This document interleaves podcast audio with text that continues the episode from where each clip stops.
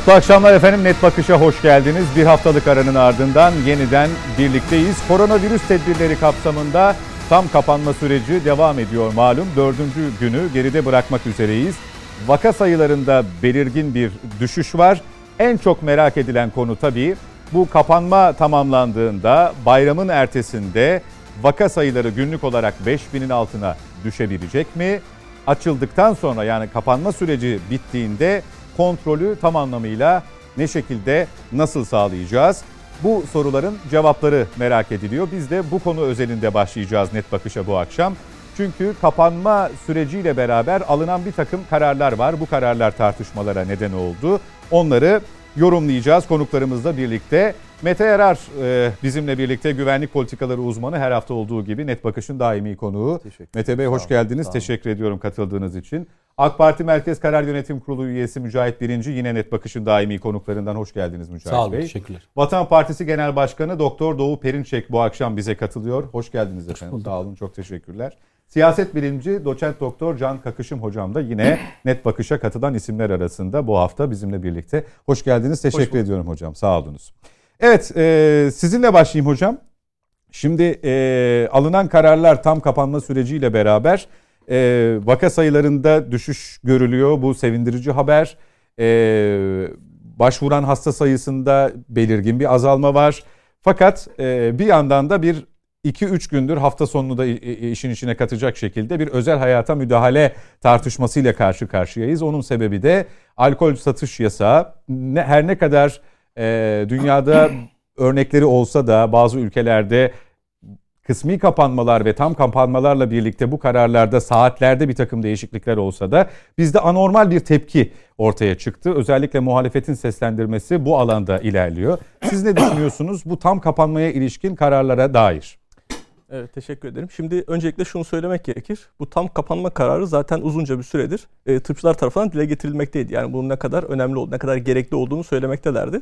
E, bence bu geç kalınmış bir karar olarak bile değerlendirilebilir. Yani e, hastalığın seyrine, e, pandeminin seyrine bakıldığında aslında e, Türkiye'nin bu kararı daha önceden de alması gerekirdi. Fakat burada e, kapattım demekle de e, iş bitmiyor. E, sizin e, az önce de söylediğiniz gibi hem e, kapanmanın e, şartlarıyla alakalı o zaman bazı sorulara muhatap olmanız gerekiyor. Hem de işte e, sizin aldığınız kararlar da tartışma konusu olabiliyor bu alkol yasağı meselesinde e, olduğu gibi. E, ben e, kararla alakalı tartışmalara bakıldığında bunun e, iki eksende eleştirildiğini görmekteyim. E, birincisi e, evet siz bu kapatmayı yaptınız ama e, gereken e, ekonomik desteği e, insanlara sağladınız mı? Sağlamakta mısınız? Sağlama gibi bir düşünceniz, böyle bir tahayyüdünüz var mı? E, en başta bunun üzerine şekillendi. İkincisi de zaten bu e, bir iki gün sonra oldu. E, alkol yasağı tartışması. Şimdi ilkinden e, başlamak isterim. E, ben bu yöndeki eleştirileri e, son derece e, doğru, haklı bulduğumu ifade etmek istiyorum. Ekonomik destek Evet konu. yani şimdi ben e, şöyle kendi yaşadığım bir olayı anlatayım. O gün şeye indim. Markete indim. Bizim mahalle bakkalımız aslında market demeye de çok gerek yok. Hani fikrime de değer verir bazen bazı konularla alakalı düşüncelerimi sorar. Hocam ne diyorsunuz sizce bu tam kapanma gelir mi e, diye sordu bana. Ben de dedim ki hayır gelmez. Çünkü e, Türkiye'nin şu anda e, bunu karşılayacak bir e, ekonomik e, gücü var gibi gözükmüyor. E, dolayısıyla böylesi bir durumda tam kapanma kararı e, çıkmaz dedim. Oysa ki Sayın Erdoğan e, geldi. E, tam kapanma kararını aldıklarını ifade etti ve bir e, destek paketini vesaire de dile getirmedi. Yani eğer kapanma böyle olacaksa e, zaten e, bu e, herhangi bir şekilde devletler açısından zorluk getirmez. Çünkü e, en e, basit mantık şudur. Eğer siz e, kapatma kararı alırsanız e, bu insanların e, kaybolan gelirlerini karşılamakla yükümlüsünüz. Yani devlet olmak da e, bu demek. Yani kapanmanın temel mantığı kapatanın e, giderleri karşılaması üzerinedir. Çünkü herkes memur değil, herkes e, evden çalışan e, beyaz yakalı değil. E, Türkiye'de çok güçlü bir sokak ekonomisi var ve dolayısıyla da e, bu insanların bu mağduriyetlerin giderilmesi e, gerekiyor. Fakat bu noktada e, gereken e, düzeyde e, bir hassasiyeti göremediğimizi ifade etmek gerekir. Yani Türkiye'de insanların çok önemli bir kısmı yevmiye ile çalışıyor. Yani günlük Kazançlar. kazançlarıyla hayatlarını idame ettiriyorlar. E şimdi siz örneğin esnafın dükkanlarını kapatması gibi yönde bir karar aldınız. Bu o demek. E, yani bunların elektriğini, suyunu halen daha e, e, o zaman e, ödemelerine e, bir bir şekilde yardımcı olmanız gerekir. Veya e, atıyorum dükkan kiralarını ödemelerine yardımcı olmanız gerekir. Her şeyi bir tarafa bıraktım. Onların e, mutfak giderlerine yardımcı olmanız gerekir. Veya e, bu insanlar e, e, kredi aldılar. Kredilerinin Mayıs ayı ödemesi nasıl gerçekleştirecekler? Bu konuda onlara yardımcı olması gerekir. Ha, bunlara e, doğrudan e, gerçekten doyurucu bir e, cevap vermeden de e, kapatma kararının alınması e, çok bir e, mantık ifade etmiyor. E, hem ve bu geç kalınmış da, bir karar hem de e, e, tedbirleri gözden geçirilip e, tabii, yani ekonomik bu, anlamda Şimdi şöyle bu kararın alınması gerekiyordu ama bu, bu kararı e, aldım demekle alınmıyor işte. Kapattım demekle bitmiyor. Tamam kapatmanız gerekiyor yani ama aldık ve bitti sonra, gibi bir e, yani ben böyle mi? evet tabii ben bu eleştirileri bu bağlamda e, doğru karşılıyorum. Yani burada e, esnafın sokak ekonomisiyle hayatını devam ettirenlerin e, gerekli düzeyde bir destek göremediğine inanmaktayım ve bu bağlamda da bu e, alınan kararın daha ziyade yani turizm sezonuna giriş yapıldığı bu süreçte hani rakamları düşürmek ve e, dünyaya da e, bir e, imaj çalışması e, bağlamında değer kazandığını düşünüyorum. Ki e, malum e, Turizm Bakanı da bir açıklama yaptı. Türkiye'de turist olmak bu aralar daha e, avantajlı değil ki bunu zaten e, görüntülerini e, Konuşacağız onu da konuşacağız. E, do, dolayısıyla bu yöndeki eleştiriyi e, haklı bulmaktayım. İkinci eleştiri dediğim gibi bu e, şey Alkol, e, alkol, alkol satışıyla e, alakalı bir husus. Şimdi burada da e, temel mantığın e, bence e, yaşam e, tarzına müdahale çerçevesinde e, anlam bulması çok şaşırtıcı değil. Çünkü Türkiye'de zaten bu alkol meselesi her zaman e, toplumsal zıtlıkların, cepheleşmelerin bir e, ekseni olarak e, işlev görmekte. Yani bu biraz aslında e, az gelişmiş ülkelerin de bir özelliğidir. Yani bu gibi e, sembolik konular üzerine çok ciddi cepheleşmeler, tartışmalar döner. E, Türkiye'de de hemen bunun e, zaten e, böylesi bir e, anlam bulacağı belliydi ve böyle Karşılığını oldu. bulmak mümkün. Kesinlikle, kesinlikle öyle. Şimdi e, buradaki e, bence e, meseleyi en başta şu açıdan değerlendirmek gerekiyor. Yani insanların e, e, örneğin e, markete gidiyorlar. Kendilerinin doğrudan e, e, ihtiyacı olan, temel ihtiyacı e, olan e, ögeler dışında atıyorum e, sigara alıyorlar. Hadi onu da geçtim. Çikolata, gofret vesaire alıyorlar. E, bunları tüketebiliyorlar. E, o zaman yine yasal ürünler olan, satışı yasal ve vergili ürünler e, olan alkolü e, almalarına neden engel oluyor sorusuna e, doyurucu bir cevap verildiği düşüncesine değilim ve bu da insanların zihninde ister istemez şu düşünceye sebep oluyor. Yani bu ülkede e, bir seküler fobim var. Yani ne demek bu? Yani seküler insanların yaşam tarzlarını hayata geçirmelerine e, dönük e, bir e, çekince mi var veya buna bir engel koyulmak mı isteniyor veya en basitinden e, söylersek yani bu fedakarlık yapma e, sırası geldiğinde her zaman en başta bu insanlara mı müracaat ediliyor Bu kadar diye detaya inmeye gerek var mı bu düşüncede hocam? Şunun için soruyorum.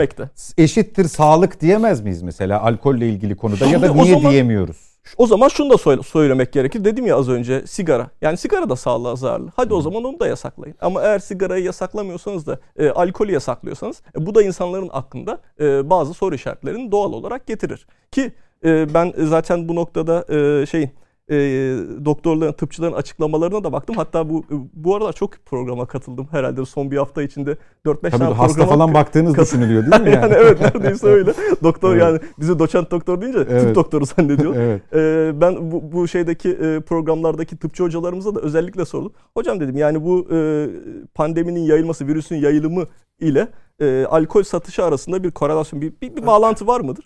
Yani vallahi şimdiye kadar e, evet vardır diye kimseye de görmedim herkes. Yani Tabii bunun neden da aynı, bir, aynı e, benzeşmeyi yapar evet, genelde. Neden böylesi doktor. bir kararın alındığını biz de anlamadık diyen bunu bilim kurulu üyesi olarak e, söyleyen insanlar da e, var malumunuz. Dolayısıyla bu eleştirilerin yapılmasını ben normal karşılıyorum ve e, genel anlamıyla bunları da doğru buldum. ifade Katıl, katılıyorsunuz. Evet. Mücahit Bey ne düşünüyor? İşin ekonomik boyutu eşittir tam kapanma ve alkol satış yasağı. Evet. Ben e, tam kapanmayı bir kere karşı olan bir arkadaşınızdım. Burada da ifade etmiştim onu. Hı hı hı. E, hala aynı görüşümü serdediyorum. Yani tam kapa- kapanmanın e, sosyal psikoloji bakımından da bir takım sakıncalar olduğu kanaatindeyim. Kendi kanaatim bu. Fakat e, işte şeyde e, bilim kurulunun tavsiyesiyle hükümetimiz böyle bir karar aldı. Şimdi bu karar doğrultusunda tabii milleti sadece e, evine kapayarak e, hiçbir e, yardım yapmıyormuş gibi e, bir algıya sebebiyet verecek, verecek propagandalar doğru propagandalar değil. Bu reel, rasyonel propaganda değil. Ben şimdi çok kısa birkaç fazla şeye boğmadan rakam olmadan birkaç şey söyleyeceğim. Mesela Sosyal Koruma Kalkanı ile vatandaşlara doğrudan aktarılan kaynağın toplam tutarı 1 Mart 2021 itibarıyla 53 milyar TL'yi aşmış. Şu anda daha fazla. Mesela kısa çalışma ödeneğiyle 3.7 milyon çalışana 27.7 milyar TL e, kısa çalışma ödemesi yapılmış. Mesela salgın döneminde uygulanan işten çıkartma yasağı 17 Mayıs 2021 tarihine kadar uzatıldı. E, ki daha da uzatıldı e, şu andaki durumda. E, 17 Mayıs şu anda he, evet 17 Mayıs 2021 tarihine kadar uzatıldı. 2,5 milyon çalışana yaklaşık 8.3 milyar TL nakdi ücret desteği ödendi. Şimdi e, geliyoruz. İşsizlik, ödene işsizlik ödeneği kapsamında 995 bin kişiye yaklaşık 5.1 milyar TL ödeme yapıldı. E, 2 aylık telafi çalışma süresi 4 aya çıkarıldı. E, 22 ay, ayrı sigorta primi, teşvik de, ve destek ve indirim uygulanmakta. E, istihdamı korumak amacıyla yapılmış bu. E, istihdama dönüş teşviki manasında da artı istihdam teşviki ve ilave istihdam teşviki uygulamaya konuldu. E, bir başka husus mesela 13 e, 1.3 milyon iş yerinin 40 milyar TL prim borcu 6 ay süreyle ertelendi. Gibi gibi bunun alt başlıklarını birçok bir alt başlığı Yeterli değil mi bunlar acaba? Şimdi e, yani öyle bir süreçten geçiliyor ki e, ne yapsanız çok fazla yeterli gelmez. Hani e, bir seneye aşkındır bakın 31 Mart'tı galiba ilk vakanın görüldüğü zaman. Mart'ın sonu. E geliyoruz bir yıl, bir sene içerisinde hakikaten e, özellikle esnafımız ciddi sıkıntılarla karşılaştı. Bunda hiç e, böyle gizleme saklama yapacak durumumuz yok. Esnafımızda çok ciddi sıkıntılar var. Fakat bu sıkıntıları iyi niyetle sübvanse etmek için devlet ve hükümet elinden gelen e, kaynaklar dahilinde elinden gelen her şeyi yapmaktadır. E, özellikle esnafa işte bu prim borçlarının ertelenmesi, başkaca talepleri var. Mesela ben başka bir talep söyleyeyim. Burada hatta fayda olsun. Bunu e, tavsiye edelim. Mesela nedir? Diyorlar ki bana gelenler şunlar. E, e, bizim e, bu bir düzenleme yapıldı ya. E, SGK primlerinin, vergi borçlarının yapılandırılması ile ilgili. Şimdi bu düzenlemede e, şu ana kadar e, prim ödeyenler şey pardon, e, taksit ödeyenler var. Şimdi bu kapanma ile birlikte taksiti ödeyemeyecek hale gelenler oldu. Bu bu şikayet var. Şimdi taksit ödeyemeyecek hale gelenlerin bu e, yapılandırmanın bozulması tehlikesiyle karşı karşıyalar. Mesela o düşünülebilir. Yapılandırma bozulmayabilir veya taksitleri ertelenebilir. Kapanma süresince ertelenebilir. Yapılandırma için verilen süre uzatılabilir. Uzatılabilir, o da olabilir. E, bunların tabii hepsi yapılabilir. Bunlar e, bizim e, milletimizden fert fert, esnafımızdan aldığımız şeyler, şikayetler veya tavsiyeler. Şimdi bu olumlu tavsiyeler elbette ki olur. Biz de bunları intikal ettiririz, anlatırız yetkili kurullarda. E fakat hiçbir şey yapılmadı noktasında işte devlet milleti evine kapattı ve hiçbir yardım yok, hiçbir şey yapılmadı gibi e, eleştiri... Can Bey ben kapattım oldu şeklinde. Değil tabii o eleştiri kabul edilebilir. Sonuncusu için söyledim yalnız ben. Evet, evet. E, o diğer e, Mücahit Bey'in e, söyledikleriyle alakalı Hayır da, kapanma sürecinin tamamıyla ilgili kapattım oldu dediniz yani. E, şey bu sonuncusuyla alakalı söyledim. Yani şimdi şöyle e, ilk e, pandemi döneminde e, devletin aldığı e, gerçekten yerinde ha, kararlar son kapanma vardı. süreciyle evet evet evet son kapanma Anladım. süreciyle alakalı. Mesela bu e, Mart e, ayı geçen sene e, Mart ayında e, yani ilk e, pandemi döneminde esnaflarla alakalı söyleyeyim. E, kredi ödemeleri ertelenmişti. E, aynı zamanda e, bu vergi ve SGK er, e, ödemeleri de ertelenmişti. Şu anda bunların ertelemeleri yapılmıyor veya bankalar yine geçen sene itibariyle Mart ayı itibariyle düşük faizli krediler vermişlerdi. Şimdi faiz oranı katlanarak artıyor. Bu noktada da bir dönüşüm yok ve mekanlar kapalı olmasına rağmen elektrik, doğalgaz ve su faturaları da katmerli bir şekilde gelmeye devam ediyor. Evet, ee, şey, devam etsin. bir de çok affedersiniz Mücahit Bey, şey de söyleyeyim. Yani dediğiniz doğru tabii ki bir şeyler yapılmıştır ama e, şöyle bir rakam veriyor. IMF'nin e, kendi verisi. E, yani e, gayri safi yurt içi hasıladan doğrudan e, vatandaşlar bu koronayla ilgili e, salgınla alakalı destek veren ülkelerin bir sı- sıralamasını yapmışlar. Türkiye %1.9 yani gayri safi yurt içi hasılasının sadece %1.9'unu harcamış durumda. Bunu ifade etmek gerekir. Sayısal Şimdi bir değer bu olarak. tabii do- sadece o değil yani dolaylı hesapla hesap yöntemi de biraz e, değişebilir. O hesabı gördüm ben IMF'nin yaptığı. Şimdi ihtiyaç sahibi abo, e, ihtiyaç sahibi vatandaşlara, ailelere e, hane başı 1000 TL olan rakam 1100 TL'ye çıkartıldı. Bu, bu, bu yaklaşık 2 milyonu aşkın aileye yapılan yardım bu. Dolayısıyla e, hükümetimiz o bütçe kapsamında elinden gelen faaliyeti, elinden gelen e, yardımı vatandaşlara bu kapanma sürecinde yapa gelmekte. Gelelim şu e, içki kısıtlaması meselesine. E tabi şimdi Dünya Sağlık Örgütü'nün bir tavsiyesi var. İki türlü, iki veçiyle bu husus dile getiriliyor. Bir, bağışıklık sistemi düşürücü bir etkisi var. Alkolün. Sağlığa zararlıdır. İki, e, bu e, şeyle alakalı da e, alkol alındıktan sonra özellikle kapanma dönemlerinde sosyal mesafenin ortadan kalkacağına yönelik yine sağlık e, Dünya Sağlık Örgütü'nün bir tavsiyesi var. Bu tavsiyeye uyan ülkeler var. Mesela işte İsveç. E, burada bu bu şekilde bir e, kısıtlama var. Fransa. Fransa, Tayland bu şekilde kısıtlamalar var. Dolayısıyla Türkiye'nin bu kısıtlamayı yapmasının e, yani herhangi bir ayla işte Ramazan ayıyla veya hayat e, ne derler ne diyorlardı o klişe ne? Hayata müdahale, özel Ha, hayata müdahale. tarzına. Ha, yaşam tarzına müdahale şeklinde bir klişeyle sunulması hakikaten e, akılcı değil yine. Akılcı bir metot değil. Çünkü şöyle AK Parti iktidarından 2002'den bu tarafa aldığımızda geldiğimizde yani artık bu e, korkuların unutulması gerektiği kanaatindeyim. Yani 20 yıl geçmiş bir iktidardan bahsediyoruz. Hala hayat tarzına müdahale e, e, şeyi satılmaz. E, bu propaganda alıcısı yok. Bir başka Bakın, bir istatistik alkol istatistik- tüketiminin artmasıyla ilgili galiba değil Bir mi? istatistik vereceğim. Bir istatistik vereceğim. Şimdi bir kamuoyu yoklaması yapılmış. Kamuoyu yoklamasında şu rakam çıkıyor. Diyorlar ki işte Covid tedbirleri noktasında işi kısıtlamasına, alkol kısıtlamasına taraf mısınız? Nasıl bakıyorsunuz? Özel hayata müdahale olarak mı görüyorsunuz diye bir soru soruluyor. %75 e, gösteririm e, şeyi araştırmayı.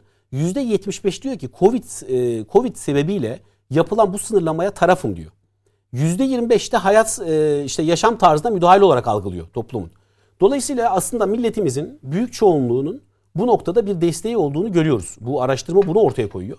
Ve şimdi bu tabii ya bunun şeyi karşılığı yok artık. Yani bu satan bir meta olmaktan çıktı bu hayat tarzına müdahale tırnak içerisinde. Satan bir meta değil. Çünkü bir yaşanmışlık var. 20 senedir bir e, yaşanmışlık, bir tecrübesi var toplumun.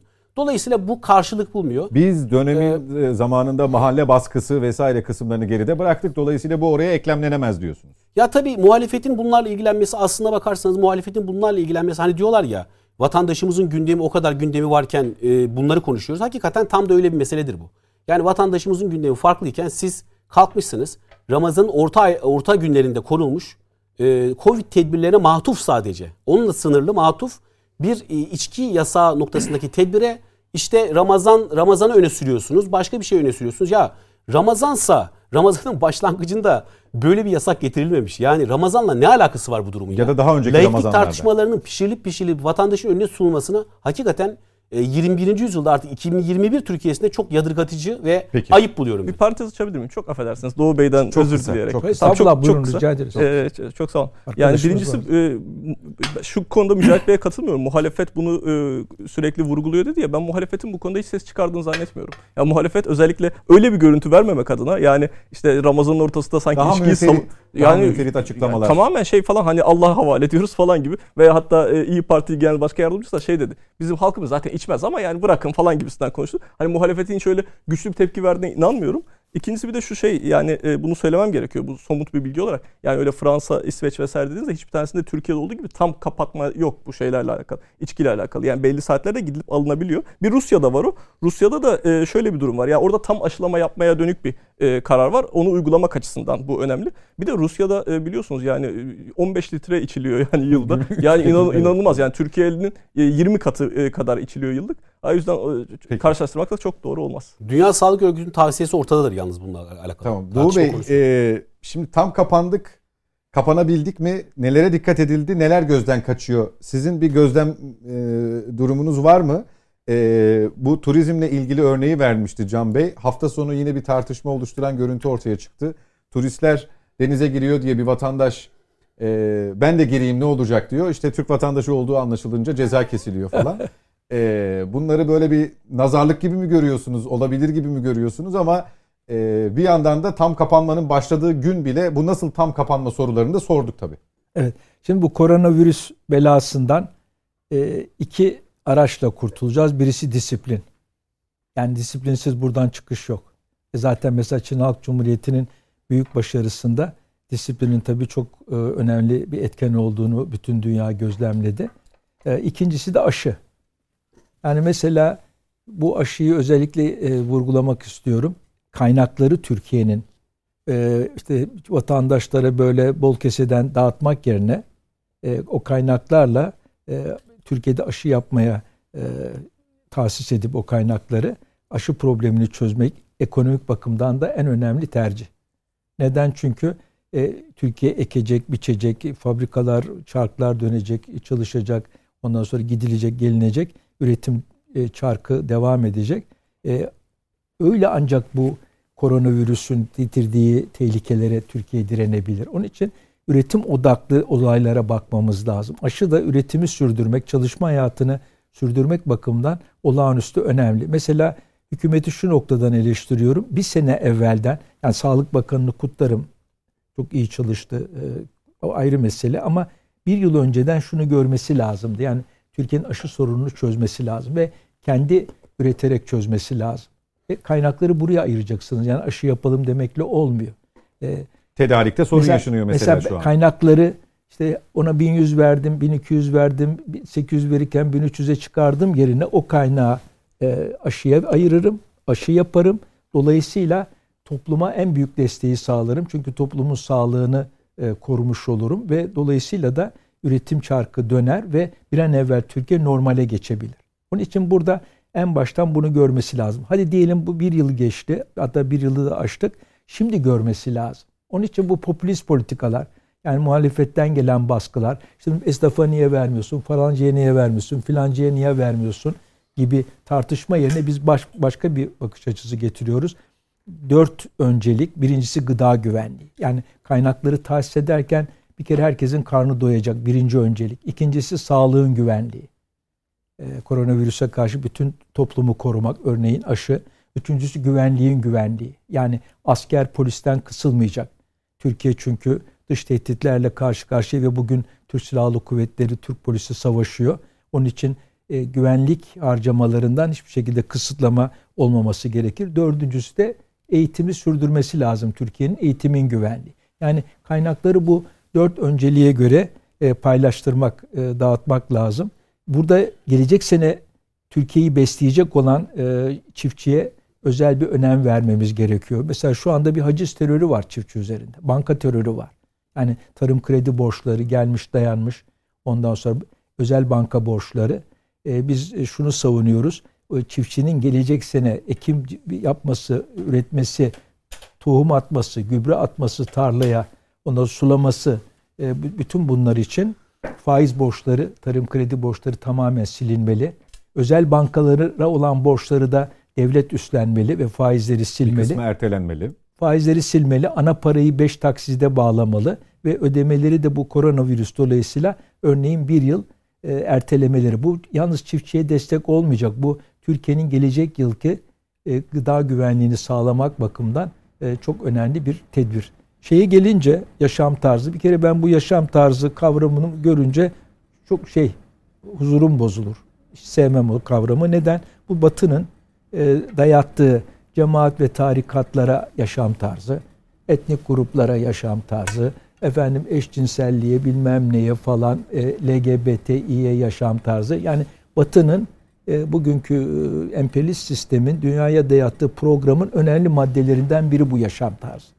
Bunu bir kere görmemiz lazım. E, Atatürkçülüğü de efendim rakı içmeye, e, leblebi yemeye ve mini etiye indirgeyenlere de çok o, tabii şeyiz, karşıyız. Çünkü Atatürk nedir? Atatürk Türkiye'nin bağımsızlığı, toprak bütünlüğü önce ve çağdaş bir e, toplumu kurmak, milli demokratik devrim diyelim. E, onun esasları. O bakımdan e, rak, e, alkolle ilgili bir alkol yasağı bir kere yok. Ama satışla ilgili bir problem var. Kimsenin yakasına yapışılmıyor. Şunu da not etmek lazım. E, şu anda bakıyorum Ramazan yaşıyoruz ama Ramazan dolayısıyla bir taassup, bir bağnazlık, e, bir e, ona bir e, yani oruç tutmayana bir baskı falan öyle bir şey yok. Yani o çok dikkatimizi çekiyor. Yani artık Türkiye Ramazanları falan Türkiye'ye yakışan bir şekilde yaşamaya alıştı. Yani onlar çok önemli. Yani buralarda bir karşıtlıklar, yakaya yapışmalar, efendim hor görmeler falan. Mesela televizyonlarda seyrediyoruz.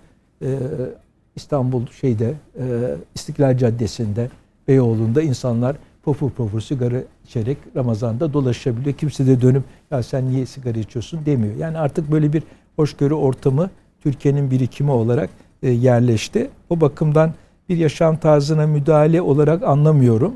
E, Dünya Sağlık Örgütü'nün tavsiyeleri de önemli. Yani hem bağışıklık sistemini korumak hem de içkinin eve kapanma durumunda evde huzursuzluklar yaratması hatta ev içi şiddete falan da e, zemin oluşturması gibi. Bir de bizim toplumumuz çoğunluğu tabii içki içilebilir. Ben de e, arada bir e, topluluk içerisinde içerim. Yani Ramazan'da da bunu söyleme. Yani halkıma hiçbir zaman yalan söyleme.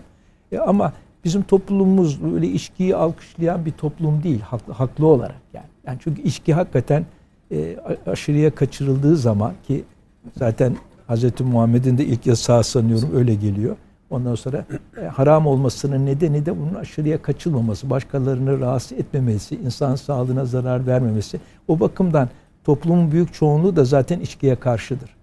Yani onu da not etmek lazım. O ayrı bir başlık tabii de işte bu Ama yaşam tarzına yaşam tarzına, yaşam müdahale, tarzına müdahale yok. Bakın şimdi iki şeyi ayırmak lazım. Ee, yaşam için gerekli gıda maddeleriyle onun dışındaki keyif maddeleri falan filan. Mesela diyelim çikolatayla ekmek veya çikolatayla et bir değil. Değil mi?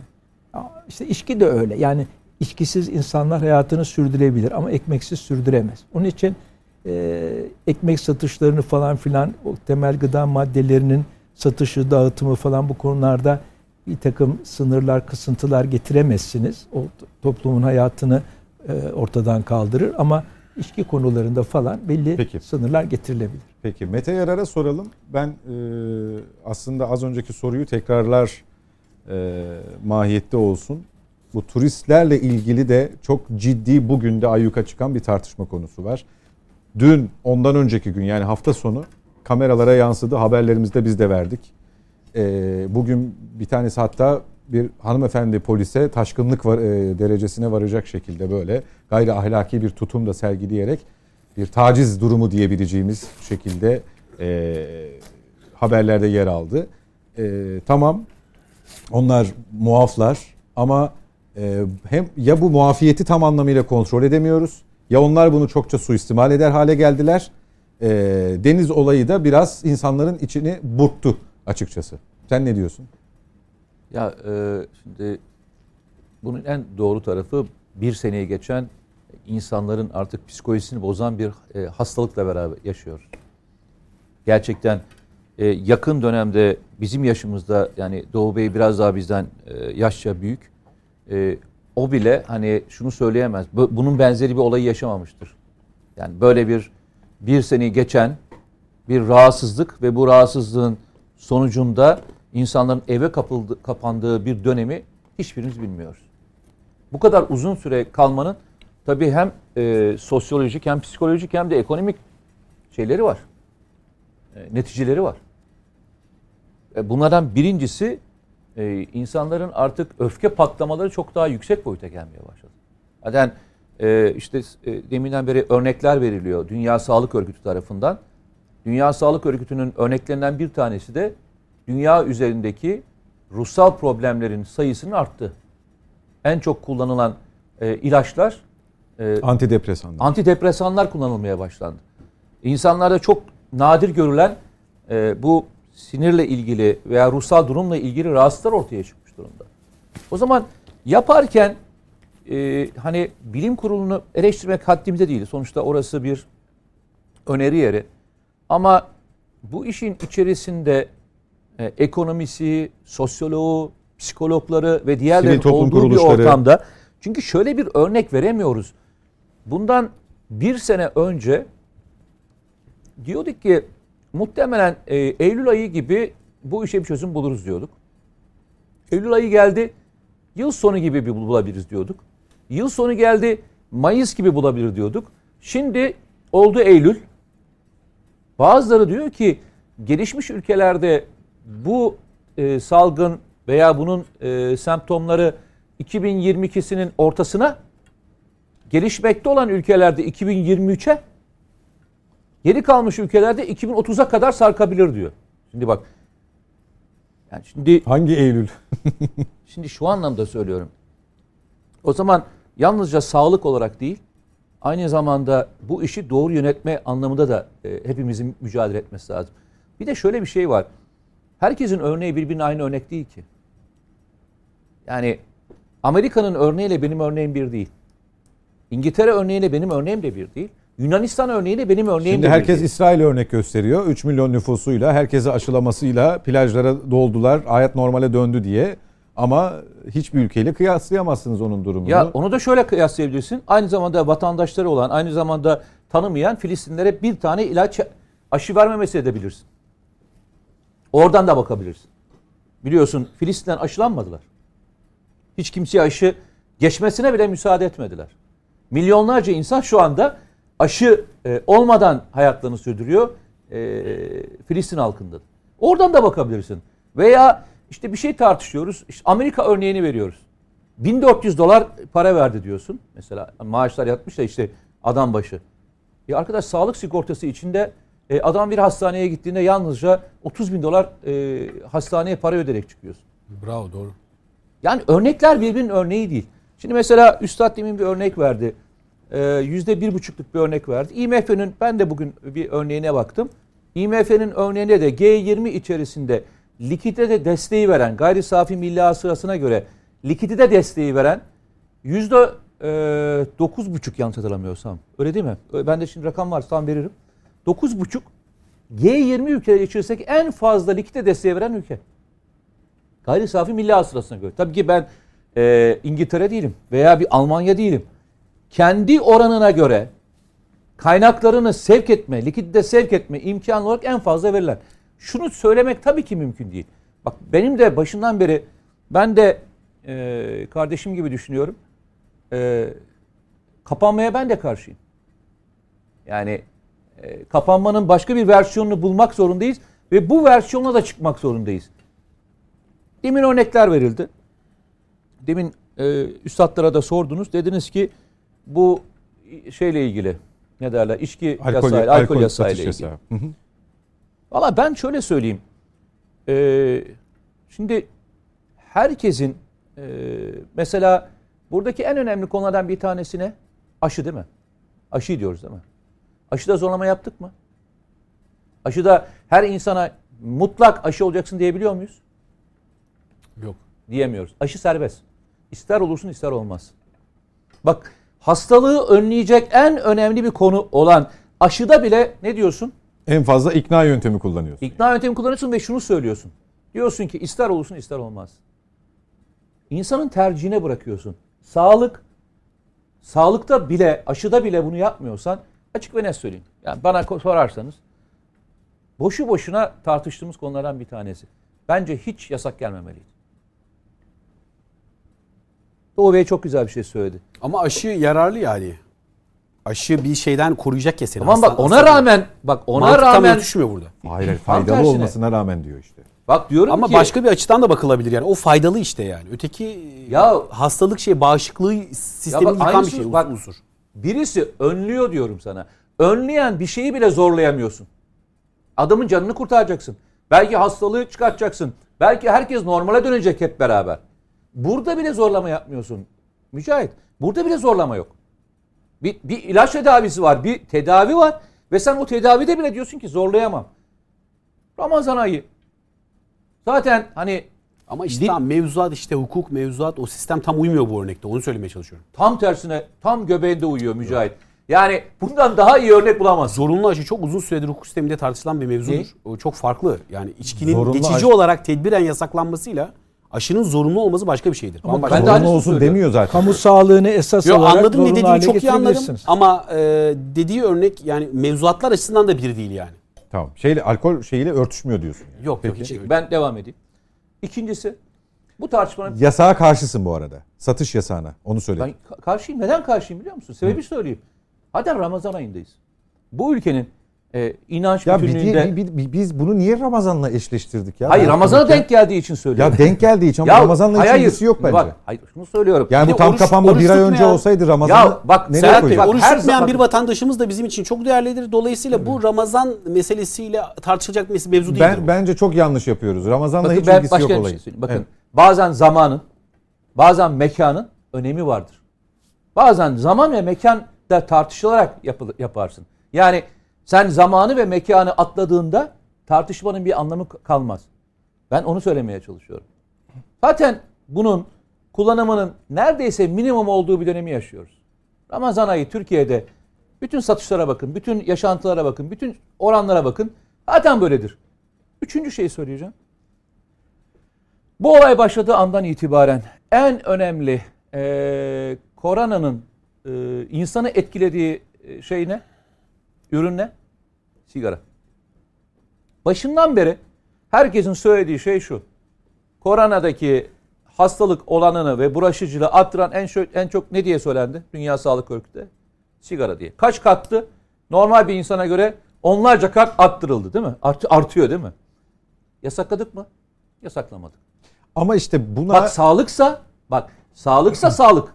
buna şöyle e, şimdi bu mahalle işinde yaşam tarzına müdahale başlığında şöyle bir gitmedim. şey çıkıyor ortaya. Görmüşsünüzdür. Diyanetten bir yetkili sigara satışına da yasak getirilsin gibi bir ifade kullandı. Yani Diyanet diye hatırlıyorum. Arkadaşlar bir bakıp e, e, dü- düzeltmek gerekirse düzeltelim lütfen. E, topa tuttular adamı. Bakın Neden? Bulunduğu kurum nedeniyle.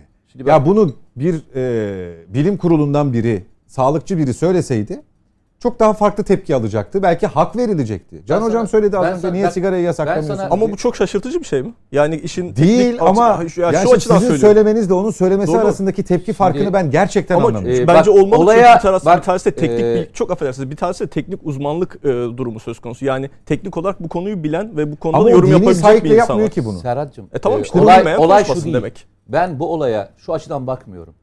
Bir müdahale oldu diye yap, yapılmasın demiyorum. Bak yanlış anladı, anlatır. Benim mevzum şu değil. İnsanların şeyleri vardır. e, siz buna müdahale edilmesiniz diye değil.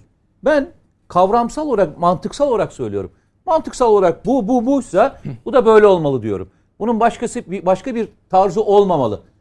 Bunu bir müdahale anlamında e, o kavramsallaştırmıyorum. Anladım, Oraya anladım. götürmüyorum. Benim kafamda bir mantık var. Benim mantığımda yere oturmuyor. Yere oturmuyor. Yoksa git kardeşim sen de iç, sen de bunu yap gibi bir tezle savunmuyorum bunu. Benim düşünce sistematiğimde yer bulmadı. Artı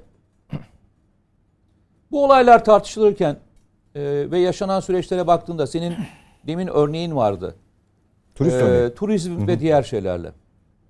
Tamam Türkiye'nin e, önemli bir gelir kaynağıdır ve cari açığın kapanması açısından da önemlidir. Onun ötesinde başka bir şey daha var.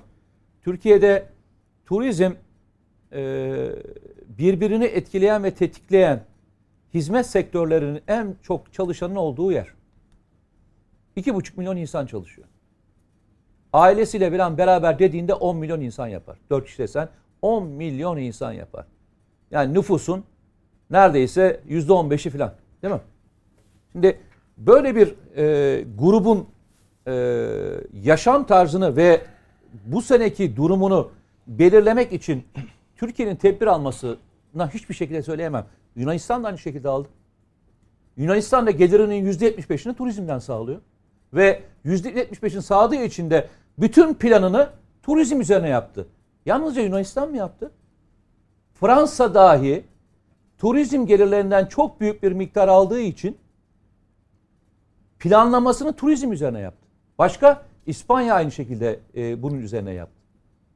İnsanların ekonomisinin çarklarının dö- döndürebileceği temel girdiler varsa bununla ilgili öncelik almasına bir sakınca olamaz zaten. Olamaz. Yani ben e, işte Türkiye'nin şunları şunlarını yapacağım ama bunu da ihmal edeceğim. Edemezsin. Yani üstad örneklerini hep ekonomi üzerinden verdi ya ben de ekonomi üzerinden veriyorum. Yüzde 15'in gelirini elde ettiği bir yeri görmezden gelemezsin. Evet yapmalısın. Orada bir şeye dikkat edilmesi gerekiyor. Onu söylemeye çalışacağım. Olaya baktığında olay nasıl bir olaydı? Bir tane vatandaş evinin önündeki denize giriyor. Evinin önündeki denize giriyor. Girme sebebini de çok basit ve çok içten anlatıyor. Diyor ki herkes denize giriyordu ben de onlarla beraber girdim Onlar diyor. giriyordu ben de evet, O da görünce diyor ki girdim diyor. onlar turist şey onların yanına gittik. Onlar Ukraynalı. Sen Türksün diyor. Bak aslında söylediği şeyin içerisinde bir mantık var ve Çok da bazı masum. şeyler çok da masum ve bazı şeyler şununla halledilebilir. Kardeşim sen herhalde yanlış anladın. Olay farklı. İstersen sen e, evine bir git. Bu, evine sef- git. bu seferlik bir git. Hayır yanlış anlamışsın sen. Yanlış anlamışsın evine git. Yani bazı şeyler Doğrudan ceza tatbiki yerine diyorsunuz. evet Mesela işte tarlada yakalanan çiftçimiz gibi hani jandarmanın yakalamasıyla e, o orada inisiyatif marjını kullanması gerektiği kanaatindeyim ben de. Yani tarlada maskesiz diye çok direkt bir şekilde ceza kesilmesini ben doğru bulmam. yani dağın Doğru başındaki değil. çobana Çok katı. Çok katı doğru bir şey değil. Yani dağın başı İnisiyatif çobana- kullanılır, uyarılır. Uyarılması lazım. işte beş- başından beri diyorum ya başından beri anlattığımız ve e, yaşadığımız olayların içerisinde e, hep beraber çözmemiz gereken ve anlayış içerisinde çözmemiz gereken. Bakın bir seneyi geçti ve bu bir sene içerisinde insanlar tükenmeye başladı. Hem ekonomik olarak yalnızca Türkiye için geçer, dünya için geçer. Tükeniyoruz. Nasıl tükeniyoruz biliyor musun? Bu ekonomikle ilgili konuştu. Mücahit kardeşim örneklerini verdi. Valla ben başından beri şunu söylüyorum. Türkiye'de sanayi hiç kapanmadı. Ta başından beri sanayi tesisleri çalışıyor ve yurt dışına ihracatına devam ediyor. İhracat rakamları geldi yalnız. Onu da bir belirteyim hemen ihracat dedin. E, 2000 2021 Nisan ayı ihracatı geçen yılın e, Nisan ayına göre %109 artış kaydetmiş. Onu da belirteyim ihracatla. ilgili. 18.8 milyar dolar oldu. Çarkların döndüğü bir yer var ama çarkların dönmediği bir yerler de var. Çarkların dönmediği yerler ne biliyor musun? Ta bu olay başladığı andan itibaren hiç açılamayan müesseseler var. Hiç açılamayan müesseseler var. Ve kira ödemeye devam eden müesseseler var. Yani e, ev sahipleri ben kira almıyorum demediler. Herkes şeyini ödemeye devam etti. Kirasını açmadığım tesisin kirasını ödemeye devam etti. İnsanlar insanlara e, ödemeleri gereken borçları vardı. Ona göre kendilerini ayarlamışlardı ve onları ödememeye başladılar. İnsanlar bugüne kadar okuyorsunuzdur. Zaman zaman arabasını sattım, zaman zaman bunu sattım, şunu sattım ödemeye çalışan, iyi niyetle çalışan bence küçük esnaf diye tabir ettiğimiz bir esnaf var. Yüz milyarlarca dolar zaten dönen bir çarka ekstra para vermek yerine bu e, Türkiye'nin de bel kemiğini oluşturan bu esnafa çok daha uzun vadeli krediler açılabilirdi. Burada bence bir öncelik e, tekrar düşünüp tekrar bu önceliği tekrar değerlendirmek gerektiğini düşünüyorum. Peki. Yani benim e, şeyim seç, e, seçimde yani kredi seçiminde esnafa büyük sanayiciden çok daha fazla e, kaynak aktarılabilir diye düşünüyorum. Peki. Ee, bir başka tartışma konusu e, bu haftanın bu bölüme dair ekleyeceğiniz bir şey var mı? Yok Ben zannediyorum. birkaç bir şey eklemek isterim. Çok kısa Ee, hocam. Tamam. e, ekonomiyle alakalı olduğu için bir, bir konuda e, kafa karışıklığı olmasın diye e, Mete Bey'in söyledikleriyle alakalı ben de baktım da bu e, şey e, aslında aynı raporda geçiyor. Aynı bunlar. raporda E, geçiyor, aynı evet, raporda geçiyor. IMF Bu, raporunda. Evet, Siz bir IMF, bölümünü okudunuz, IMF ben raporu- diğer bölümünü okudum. Evet Hı o e, şey hani siz dediniz ya G20 içinde lider. G20 içinde değil de Türkiye standartındaki ülkeler içerisinde lider. Yani burada Okey. şey yok. ABD, İngiltere, Almanya vesaire. yok. Gelişmiş ülkeler yok. Evet Hindistan, Güney Afrika, Arjantin, Endonezya, Rusya, Çin, Meksika, Brezilya, Suudi Arabistan. E, tamam G20 E, bunlar ülkeleri var. sayıyor zaten. Ha, G20 ülkelerin ama Türkiye ile alakalı e, şeyi e, kategorisi. Yani yoksa birinci sırada Lüksemburg var. %27 ile. Sonra ABD ve Yeni Zelanda olarak e, devam etmiş. Bir de yani hani ben niçin bu bunları karşılaştırdığımızda çok bilmiyorum. Çünkü burada oranlardan bahsediyor zaten. Mutlak değerden değil. Yani şimdi şunu söyleyebiliriz. İngiltere'nin Siz veya... karşılaştırdınız ya Hayır hocam. hayır şunun için söylüyorum. siz karşılaştığınız için Yok söyledim yok şunu yok size e, yönelik olarak söylemedim de şu bağlamda. Yani kendi kendi e, söylediğimi de aslında e, belki eleştirerek ifade edeceğim de. Şimdi burada bizim oranları karşılaştırmamız da çok gerek şey, e, e, ülkelerin e, sıralamasını yaparken yani mutlak değerlerden biz bahsetmiyoruz. Yani o yüzden söylüyorsun. Tamam evet o yüzden yani bazı ülkelerin ekonomisi daha büyük, bazılarınki daha küçük. O yüzden tabii ki bazılarınki daha fazla, bazılarınki daha az olacak meselesi değil bu. Bu oran meselesi. Yani evet Türkiye'nin gayri safi yurt içi hasasıyla ABD'ninki karşılaştırıldığında ABD'ninki çok daha büyük, İngiltere'ninki çok daha büyük de biz mutlak değerden bahsetmiyoruz. Biz orandan bahsediyoruz. O açıdan belki oranı da değil, e, şey affedersiniz mutlak değeri de değil. Bizim e, bizzat niçin bu oran noktasında diğerleriyle aynı seviyede olmadığımızı tartışmamız gerekiyor. Yani bunu öz- özellikle önemse, e, önemli bir husus olarak söylemek isterim. Sizin şu son söylediğinize çok e, önem verdim. E, yani bu öncelikler meselesi bir önceliklerle alakalı çünkü bu çok tartışma konusu oldu. Yani şimdi e, ek- ekonomi şirketlerine malum 3 milyar e, TL'lik bir yardım yapıldı. Oysa ki şimdi Türkiye'de e, bu esnafın e, hali gerçekten çok e, sıkıntılı. Yani en son bir kokoreç işletmecisi malum bir şey yaptı, intihar etti, hayatını Mersin. kaybetti. Yani bu gibi insanların durumu varken yani e, bu kadar büyük sermayedarları daha fazla e, göz önünde bulundurmanın ben de vicdani bir açıklaması olduğunu Mete düşünüyorum. Yarar da aynısını söylüyor. Ee, Bir cümlede esnafın ben ekleyeyim biraz daha verirseniz. gö- gözetilmesi gerektiği. Buyurunuz. Evet. Şimdi önceliği aşıya ayıralım. Yani aşı üretmeye. Böylece ileride kapanmaya da gerek kalmaz. Herkes aşılandığı zaman üretim çarkı döner, toplum hayatı devam eder ve e, karşılaştığımız bütün tehditler bertaraf edilir. Onun için öncelik e, aşı yapmaya, yani Türkiye'nin kendi aşısını üretmeye tahsis edilmeli kaynaklarımız. Peki. Ee, Mücahit Bey bir hukukçu kimliğinizle sizden başlayacağım. Ee, zannediyorum araya da gideceğim ama tamamlayamayacağım turu. Dönüşte devam edeceğiz. Diğer konuklarımın görüşünü alacağım bu konuyla ilgili. Görüntü kaydı genelgesi. Bir başka tartışma konusuydu. Ee, emniyetten e, polisin görüntü ya da ses kaydının alınamayacağına yönelik bu işte toplumsal olaylarda belki ilk etapta akla gelen e, sosyal medyada da yayılan e, buna yönelik bir tedbir olarak açıklandı ve duyuruldu. Açıklaması e, tartışmalar ortaya çıktıktan sonra da yine aynı şekilde yapıldı. Ne düşünüyorsunuz? Yerinde bir karar mı? Ben genelge önümde okudum. Ee, Şimdi her ne kadar daraltmaya çalışmışlar ama görevini ifa ederken bu tür ses ve görüntü kayıtlarına alınması e, işte bizim personelimizin de kişilik haklarına bir saldırı niteliğinde bazen olabiliyor gibi e, bir izah getirilmiş ama ben açıkçası bir hukukçu olarak bu genelgenin tarafında duramayacağım yani. Neden duramayacağım? Ben e, çok isabetli görmedim açıkçası genelgeyi. Çünkü bu demokratik toplumlar öyle toplumlardır ki bir gün otobüs doluluklarındaki işte Covid sürecindeki otobüs doluluklarının görüntüsünü alırlar, yayınlarlar. Çünkü toplumsal hassasiyet oluşturmaya çalışırlar. Bir günde işte polisle alakalı sadece polisin yaptığı fiiller değil, polise yapılan fiillerin de görüntüsünün alınması söz konusudur burada. Yani birçok olayda e, bu konularda soruşturma geçiren kolluk kuvvetlerimizin veya işte yargılama geçiren kolluk kuvvetlerimizin e, bu yargılamadan kurtulmalarını sağlayan inanın bana vatandaşlarımızın çektiği bir takım görüntülerdir. Bak çok net söylüyorum. Özellikle son zamanlarda. Dolayısıyla dolayısıyla ben e, bu genelgenin Kapatabilir miyim? ben bu genelgenin gözden geçirileceği kanaatindeyim. Ben hukuken e, işte e, kişilerin kişilik haklarıyla alakalı kıyaslamanın do- doğru olmadığına, çok oturmadığına e, düşünüyorum ben bu genelgeyle. Niye? Çünkü burada meydana gelen toplumsal olaylar dört duvar arasında odada meydana gelen gizlilik hakkına ilişkin toplumsal olaylar değil. Dolayısıyla e, ortalıkta cereyan eden toplumsal olaylar olduğu için bunların manipüle edilmesinin cezası ayrı bir tartışma konusudur. Yani polise işte polisle alakalı, e, kolluk kuvvetlerle alakalı bir müdahalede bunların kesilerek afişe edilmesi ve bunun üzerinden bir spekülasyon yapılması, manipüle, manipüle edilmesi, Türk polisine bu noktadan saldırılmasının cezai soruşturması ayrı bir konudur bu. O, o yapılabilir. Yani burada bir manipü- manipülasyon varsa yargılayacaksınız diyorum. Ve soruşturma açacaksınız diyorum. Ama Fakat görüntü çekilmesini fakat bence önüne benim, benim kanaatime göre şöyle yani zaten zaten e, polis vazife ve selahiyetleri kanuna göre polis bir kişiyi derdest ederken işte dibine geçip e, gazeteci dahil hani görevini engelleyecek şekilde görüntü alamaz zaten yasak o. Görevini engelleyecek şekilde görüntü alamazsın.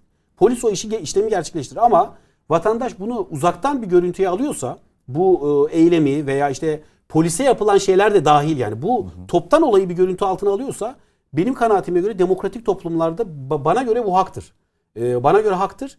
Bence bu genelge bakın bu genelge e, kolluk teşkilatımızın da aleyhine olabilecek sonuçlar doğurabilir uyarıyorum ben. Doğu Bey siz ne düşünüyorsunuz bu konuda? Yani ekleyecek bir konu yok. Hakikaten bütün yönleriyle Mücahit Bey açıkladı.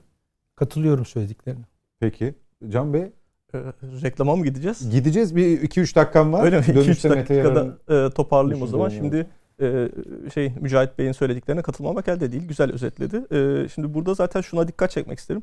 E, Ceza Muhakemesi Kanunu 2005 yılında e, AK Parti iktidarı e, döneminde e, kapsamlı bir şekilde ele alınmış ve bunun 90. maddesinde e, vatandaşlara da yüklenen bazı yükümlülükler var. Bunlardan bir tanesi de eğer siz bir suça e, tanık olursanız e, ve bunu suçüstü yakalıyorsanız e, ve bu e, suçu işleyen kişinin kaçması gibi bir ihtimal varsa bunu mutlaka e, bir şekilde belgelendirmeniz gerekiyor. Yani bu e, vatandaşlardan istenen e, bir şey. Yani bir, bir, bir vatandaşlık görevi gibi görülmüş. Şimdi hem bir taraftan siz bunu söyleyeceksiniz. e, diğer taraftan da e, bu e, e, video e, alımlarının e, yasaklayacaksınız. Burada bir uyumsuzluk durumu söz konusu olurdu.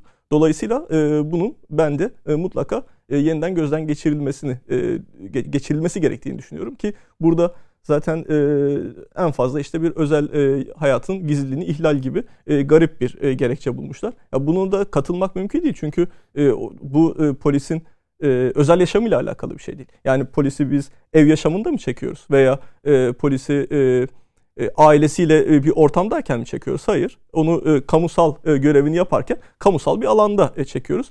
E, Veya eğer toplumsal olayı çekiyorsunuz. ve veya. toplumsal olayı etmiyor. çekiyorum. Aynen Tersten ve orada aslında bir bir sıkıntı varsa kamusal Bey. bir hatanın Sadece polis- ifşası var burada. Polisin Dur. görevini yerine Tabii tabii, getirme bu da çok önemli. kanunu vesaire Çok doğru. şiddet değil. Polise yönelik de herhangi bir Doğru, eylem bir Kesinlikle fiil söz kesinlikle konusuysa kesinlikle diye. yani şimdi e, eğer mevzu zaten e, gerçekliği ortaya koymaksa bunun e, her iki taraf içinde Doğru. e, hem e, haklı yanlar olur, avantajlı yanlar olur. Yani suçu işleyen için de dezavantajlı yanlar olur. Ama eğer bizim e, buradaki amacımız haklıyı korumaksa burada e, ben de bu, bu noktada bu video e, görüntü alınmalarının herhangi bir sıkıntı içerdiğini asla düşünmüyorum. Suistimale açık bir tarafı var mı bunun? Var E, çok var. suistimal açık bir tarafı gayet tabii ki vardır. Ama yani şimdi e, kanun maddelerinin de e, buna e, dayalı olarak biz e, engelleyemeyiz. Hayır, yani şimdi tespit edilmesi ve buna müdahale etmelerde çok ciddi şeyler doğacak, Ya, doğabilir. Hayır her şeyi bir Evet. tarafa bıraktım. Şöyle bir şey ya bu söyleyeyim ben size. kullanılabilir, bu genelge Yani kullanılabilir. yani, demokrasinin söylüyorum. kendisi de aslında Suistimal e, şeye suistimal açık değil midir? Ama ondan dolayı biz demokrasiden onu. Onu vazgeçmiyoruz. söylüyorum. Genelgenin bizzat kendisi suistimale elverişli. Neden? Çünkü bir toplumsal olayı düşünün bir vatandaş veya birisi çekiyor. Tamam? Evet. Şimdi polis ona diyecek ki genelge var kardeşim ona müdahale edecek. Bakın ne kadar manipülatif, ne kadar tehlikeli bir zemindir bu. Tabii tabii. Yok Ee, bir de bu- bunu evet. şöyle daha e, genel bir e, bakış açısıyla e, değerlendirelim. E, yani bu video alımlarının acaba bir e, sakıncası olabilir mi? Ya o da olabilir. Bu suistimal edilebilir gayet tabii ki. Ama tekrar söylüyorum yani demokrasinin kendisi bile Sırf suistimal edilebilir. suistimal ediliyor diye tabii böyle Evet bir yani genel bundan e, uzaklaşmamak gerekiyor ve George Floyd mevzusunu herkesin aklına e, getirmesini Kesinlikle, isterim. kesinlikle. Yani o George Biz Floyd'a yönelik tabii ki bu e, ırkçı davranış ve onun hayatını kaybettiği o trajik an eğer bu görüntüler alınmasaydı nasıl ortaya çıkarılacaktı? Mete Bunu Bey çok kısa gerek. sizin düşünceleriniz Şöyle var. söyleyeyim yani sonuçta e, hukuken şöyle bir tabir vardır. Uluslararası anlaşmalar, anayasa, hukuk, yönetmelikler, genelgeler diye aşağı doğru gelir. Yani genelgenin ben e, üst hukuka göre çok da e, sıkıntılı olduğunu düşünüyorum. Çünkü hiçbir şey bir önceki özgürlüğü bir alt e, özgü şeyle, maddeyle kısıtlayamazsınız. Yani insanların e, Haber alma haber alma özgürlüklerini, haber verme özgürlüklerini veya bunu yayma özgürlüklerini kısıtlayamazsınız. Yukarıda size verilmiş bir olan bir hak aşağıda bir genelgeyle e, insanlardan alamazsınız ve bu tartışma yaratır. Ben e, Mücahit'e çok e, katılıyorum. Şimdi şöyle e, şöyle düşünün. E, ben görevimi yapan bir polisim. Ben görevimi yapan bir polisim. Hukukun içinde kalıyorum. Beni çek, çekmesinden neden endişe edeyim? Zaten benim görüntümü yayınla- yayınlamak suç. Ben görevimi yaparken, hukuki olarak görevimi yaparken beni ifşa etmesi ve benimle ilgili ismimi ve e, bilgilerimin verilmesi zaten hukuken suç şu andaki bildiğim kadarıyla.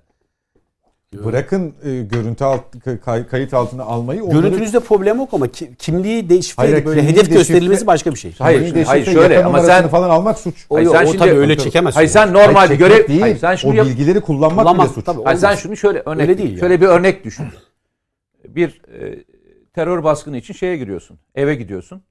İçeriye doğru gidiyorsun. Herkes maskeyle girmiyor. Sivil polisler de geliyor. Sivil polisi çekiyorsun. O andan itibaren eğer herhangi bir şey gerçekleşmişse fotoğrafı yayınlamış olman eğer ortada suç yoksa otomatikman deşifre ediyorsun şahsı. Yani o şahsı hedefe koyuyorsun. Hatta bu suç şu anda şeyde. Yani normal e, hukukumuza göre suç Peki. suç olan bir şeyi e, ekstra olarak altta kısıtladığında problem yaratır. Reklamlardan sonra bir örnek vereceğim kısa. Peki dönüşte size e, o e, hakkı vereceğim söz hakkını. Sonra gündemimiz yoğun. Diğer başlıklara geçeceğiz. Reklam vakti sonrasında buradayız efendim.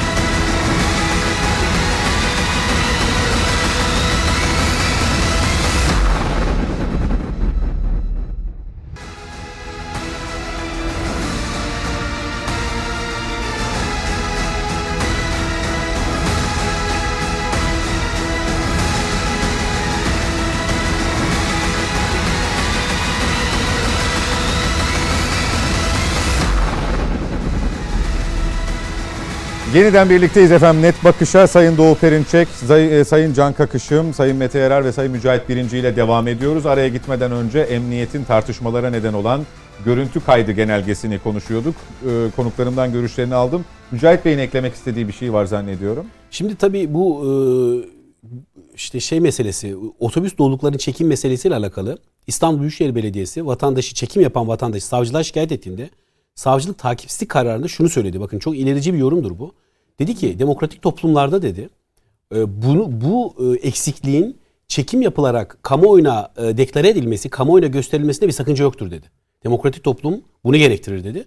Dolayısıyla ben e, açıkçası bu yoruma katılıyorum ve bunu da o, minvalde değerlendirilmesi gerektiği kanaatindeyim. Genelgenin bir daha gözden geçirileceği kanaatindeyim. Peki. Aslında dört konuğumuz da bu genelgenin çok da doğru bir adım olmadığı konusunda hemfikir. E, dolayısıyla hem detayları hem e, uygulanış biçimi bakımından da sadece Bazı sıkıntılar da olabilir. polisin e, polisin şiddeti göz önünde o- o- bulundurularak tartışılması yanlış. Doğru. E, iki taraflı da Bravo. değerlendirildiğinde çok daha Fransa'da da bu sakın- tartışmalar yürüdü zaten. Yani Evet. Fransa'da da e, bu e, gündeme geldiğinde buna benzer bir e, madde. Sarı yelek tartış Evet, e, tabii, tabii. eyleminde zannediyorum. Evet, e, bu daha sonrasında tartışıldı ve geri adım atıldı bu noktada. Yine bu benzer tartışmalar da olmuştu. Tabii polisimiz bu noktada da çok hassastır. Fransız polisiyle kıyaslanamayacak derecededir. O hakkı da teslim etmek lazım. Peki. Kolluk kuvvetlerimiz. Ee, geçelim gündemin bir diğer maddesine. Ee, ittifaklar e, ve seçim tartışmaları bir yandan devam ediyor ama Millet İttifakı'nda e, hem CHP HDP kanadı hem de İyi Parti HDP kanadında bir çatlak var gibi gözükmekle beraber partinin e, üst düzey isimleri e, bu tartışmaya girmekten kaçınıyor. Ee, son olarak İyi Parti ile HDP arasında bir gerilim yaşandı. Geçen haftadan kalma bir bakiye yine Sayın Faik Öztürk'la e, bir HDP milletvekili arasında sosyal medya üzerinden başlayan tartışma devam etti ama e, Sayın Perinçek e, bu tartışmalarda e, taraflar birbirlerine ittifakın bütününe halel getirmeyecek şekilde davranmaya çalışıyor. E, diğer kısımlar daha tekil, daha böyle şahsi bir takım e, tartışmalar gibi gözükse de aslında e, hem politika anlamında hem olaylara bakış açısı anlamında büyük farklılıklar söz konusu. Fakat bir türlü oraya getirmeyip e, sanki bizim ittifakımızda sorun yok ya da sorun var algısı oluşturmama için de yoğun bir uğraş sarf ediliyor. Ne dersiniz? Şimdi efendim ittifaklar e, bütün dünya tarihinde ve bütün ülkelerin süreçlerinde yaşandığı gibi yani e, yaşadığımız e, durumla bağlantılı. Yani Türkiye e, nerede? Türkiye 2014-15 tarihinden beri 5-6 yıldan beri Atlantik sisteminden kopuyor ve Avrasya'ya yerleşiyor. Yani 1945'te biz Atlantik denetimine girdik. Ondan sonra ama 15-16 Temmuz 2015'te Atlantik'in ne olduğunu gördük. İçimize yerleştirdiği ondan sonra Gladio cihazıyla FETÖ'yle e, Atlantik'le NATO'yla tanıştık ve ondan e, bu yana da Türkiye e, Atlantik sistemine karşı silahla mücadele eden dünyadaki en ön cephedeki ülke. Yani bugün Amerika'ya karşı, Amerika'nın dolaylı güçlerine karşı silahla mücadele eden bir Türkiye var, bir de Suriye var ön cephede. Ve Türkiye'deki mevzilenmeler, saflaşmalar da bu eksende olmaya mecbur ve bu eksende. Yani bir e, Türkiye'nin bu 2014-15 sonrası süreçte bir vatan e, savaşı, bir vatan savunması e, yaptığını gören ve ona göre e, mevzilenen, konumlanan kuvvetler var. Bir de e, Türkiye'nin eski durumunu savunan, yani Atlantik'e bağlılıktan niye çıkıyoruz? Ondan sonra işte Amerika'yı falan filan kaybediyoruz. Hatta ekonomide de e, onlardan bir takım kaynaklar, krediler falan almak için onların bize dayattığı demokrasiydi, insan haklarıydı falan filan bunlara riayet etmemiz lazım diyen ve e, Türkiye'nin aynı zamanda girdiği vatan savaşına da her aşamasında e, hep dur diyen, karşı tavır alan e, bir e, muhalefet var. Biden da zaten diyor ki bunlar benim kuvvetlerim diyor. Yani hem New York Times'e verdiği açıklamada hem de Rand Corporation raporunda 2020 başında bunlar benim kuvvetlerim diyor. Tabii bu bu Atlantik tarafında bir e, sorun çıkması, buna, bunalımlar olması kaçınılmaz. Çünkü Türkiye'ye karşı cephelenmiş. Yani bakın Türkiye cephesinde e, bunalımlar Atlantik tarafından çıkarıldı. Ne oldu? E, AK Parti'nin içinden üç parça kopardılar. Abdullah Gül'ü kopardılar. Babacan'ı kopardılar, Davutoğlu'nu kopardılar. Bu Atlantik operasyonuydu. MHP'yi böldüler. İçinden İyi Parti'yi aldılar, kopardılar. Yani Amerika yapacaklarını yaptı ve e, o cephe az çok bir tutarlığa kavuştu. Yani diyelim milli olan tavırlarda e, belli bir tutarlığa kavuştu. Ama bu taraf bu taraf her e, durumda sonuç itibariyle Türk milletiyle karşı karşıya geliyor. Yani bir tarafında HDP var, bir tarafında FETÖ var.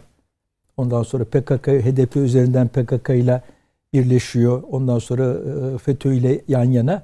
E, dolayısıyla e, Biden da diyor ki bunlar benim tayfamdır diyor. Onun için orada e, sürekli bunalımlar oluyor. Yani çünkü Türk milletiyle problemler e, yarattılar kendi aralarında. Onun için orada bunalımlar olması çok doğal ve o bunalımlar bitmeyecek. Yani burada ümit edilir ki Cumhuriyet Halk Partisi gibi e, önemli şu anda diyelim Türkiye'nin ikinci büyük partisi konumunda o bu süreci iyi anlar. Anlamaması da zaten mümkün değil. Anlamış da durumda ama vazgeçer.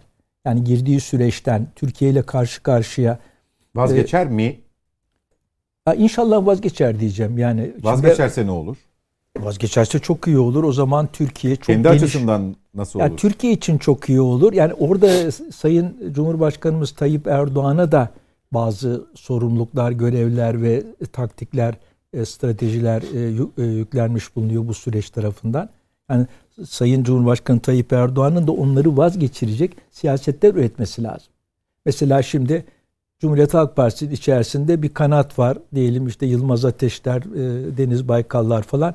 Onlar daha böyle milli e, bir konumda olmaya çalışıyorlar falan. E onu mesela kollarından tut, onu şeye dahil et ve e, büyük bir hata yapıyor bence Sayın Tayyip Erdoğan e, mevcut hükümeti güçlendirmesi lazım. Mesela MHP bile hükümetin dışında. Yani evet Cumhur İttifakı var ama hükümetin dışında. Hükümet kararlarına, programına, siyasetlerine katılmıyor. Hükümet icraatlarını yaptıktan sonra ancak eleştirilerini ifade ediyor. Görüşlerini ifade ediyor. Yani mesela onun için bütün bu üreticilerin e, üretim hedefli ve milli e, zemindeki e, güçleri toplayan bir hükümet kurması hele bu Biden'ın son açıklamalarından sonra e, Tayyip Erdoğan'ın ileri görüşlü olduğunu kanıtlar. Yani e, önümüzde Türkiye'nin ciddi tehditlerle karşı karşıya olduğu açık ve bu tehditler de tek başına AK Parti tarafından göğüslenemeyecektir. Özellikle ekonomik süreci dikkate alırsak yani işte intiharlar oluyor, bilmem ne oluyor. Türkiye'nin önünde daha derin ekonomik bunalımlar var vesaire. Bu zemin, bu ekonomik bunalım zemini aynı zamanda Biden'a ve Amerika Birleşik Devletleri'ne de operasyon e, şeyi imkanları tanıyor. Peki. E, dolayısıyla iç cepheyi kuvvetlendirecek e, kesin tedbirler alması lazım ve hükümeti de bütün iç cephedeki milli olan güçleri kucaklayacak şekilde genişletmesi bugünden çok doğru olur. Çünkü sıkıştığı zaman bunu yaptığı zaman o kadar etkili olmayacaktır. Peki. Can Bey biraz daha Amerikan ya da Biden yönetimiyle bizim muhalefetin eşdeğer e, ilerlediği ya da politika ürettiği noktasında görüş beyan ediyor Sayın Perinçek. Katılıyor musunuz? E, hayır katılmıyorum. E, ama ben e, şeyin Sayın Perinçek'in bu noktadaki e, değerlendirmesine aşinayım. Yani kendisi zaten e, böylesi bir e, kategorizasyonu her zaman e, dile getiriyor. E, fakat yani e, böyle Türkiye'de bir taraf e, şeydir, e, Batı karşıtıdır veya e, anti-emperyalisttir. Orada Türkiye'nin çıkarlarını daha güçlü savunur. E, diğer taraf zaten e, emperyalizmle uzlaşmaya daha eğilimlidir tarzındaki bir sınıflandırma.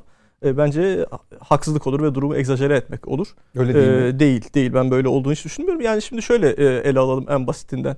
E, Suriye'de PKK'ya karşı yani PYD'ye karşı yürütülen operasyonlara CHP ya da İyi Parti destek vermediler mi? Verdiler veya e, FETÖ'ye karşı olan e, mücadeleyi desteklemiyorlar mı? Onu da destekliyorlar. Bunun da zaten başka bir e, şansı yok. Yani Türkiye Cumhuriyeti'nin eğer siz bir yasal partisiyseniz ve e, iktidara oynuyorsanız yani Türkiye Cumhuriyeti'nin en e, e, temel güvenlik e, e, hususlarını, unsurlarını mutlaka göz önünde bulundurmanız gerekiyor. Yani siz e, Türkiye'de e, e, iktidara oynayıp da aynı zamanda PKK ile mücadele etmemeyi düşünebilir misiniz? Veya Türkiye Cumhuriyeti'nde şimdiye kadar kaç tane hükümet e, geldi? Hangisi PKK ile mücadele etmedi ki? 90'ların o e, kaotik karmaşık döneminde bile PKK'ya karşı en güçlü e, mücadele verildi ve PKK fiilen neredeyse biliyorsunuz 90'ların sonuna doğru bitti. Dolayısıyla yani bu mücadeleyi ve bu noktadaki hem Türkiye'nin doğal çıkarlarını öngören hem de anti-emperyalizmi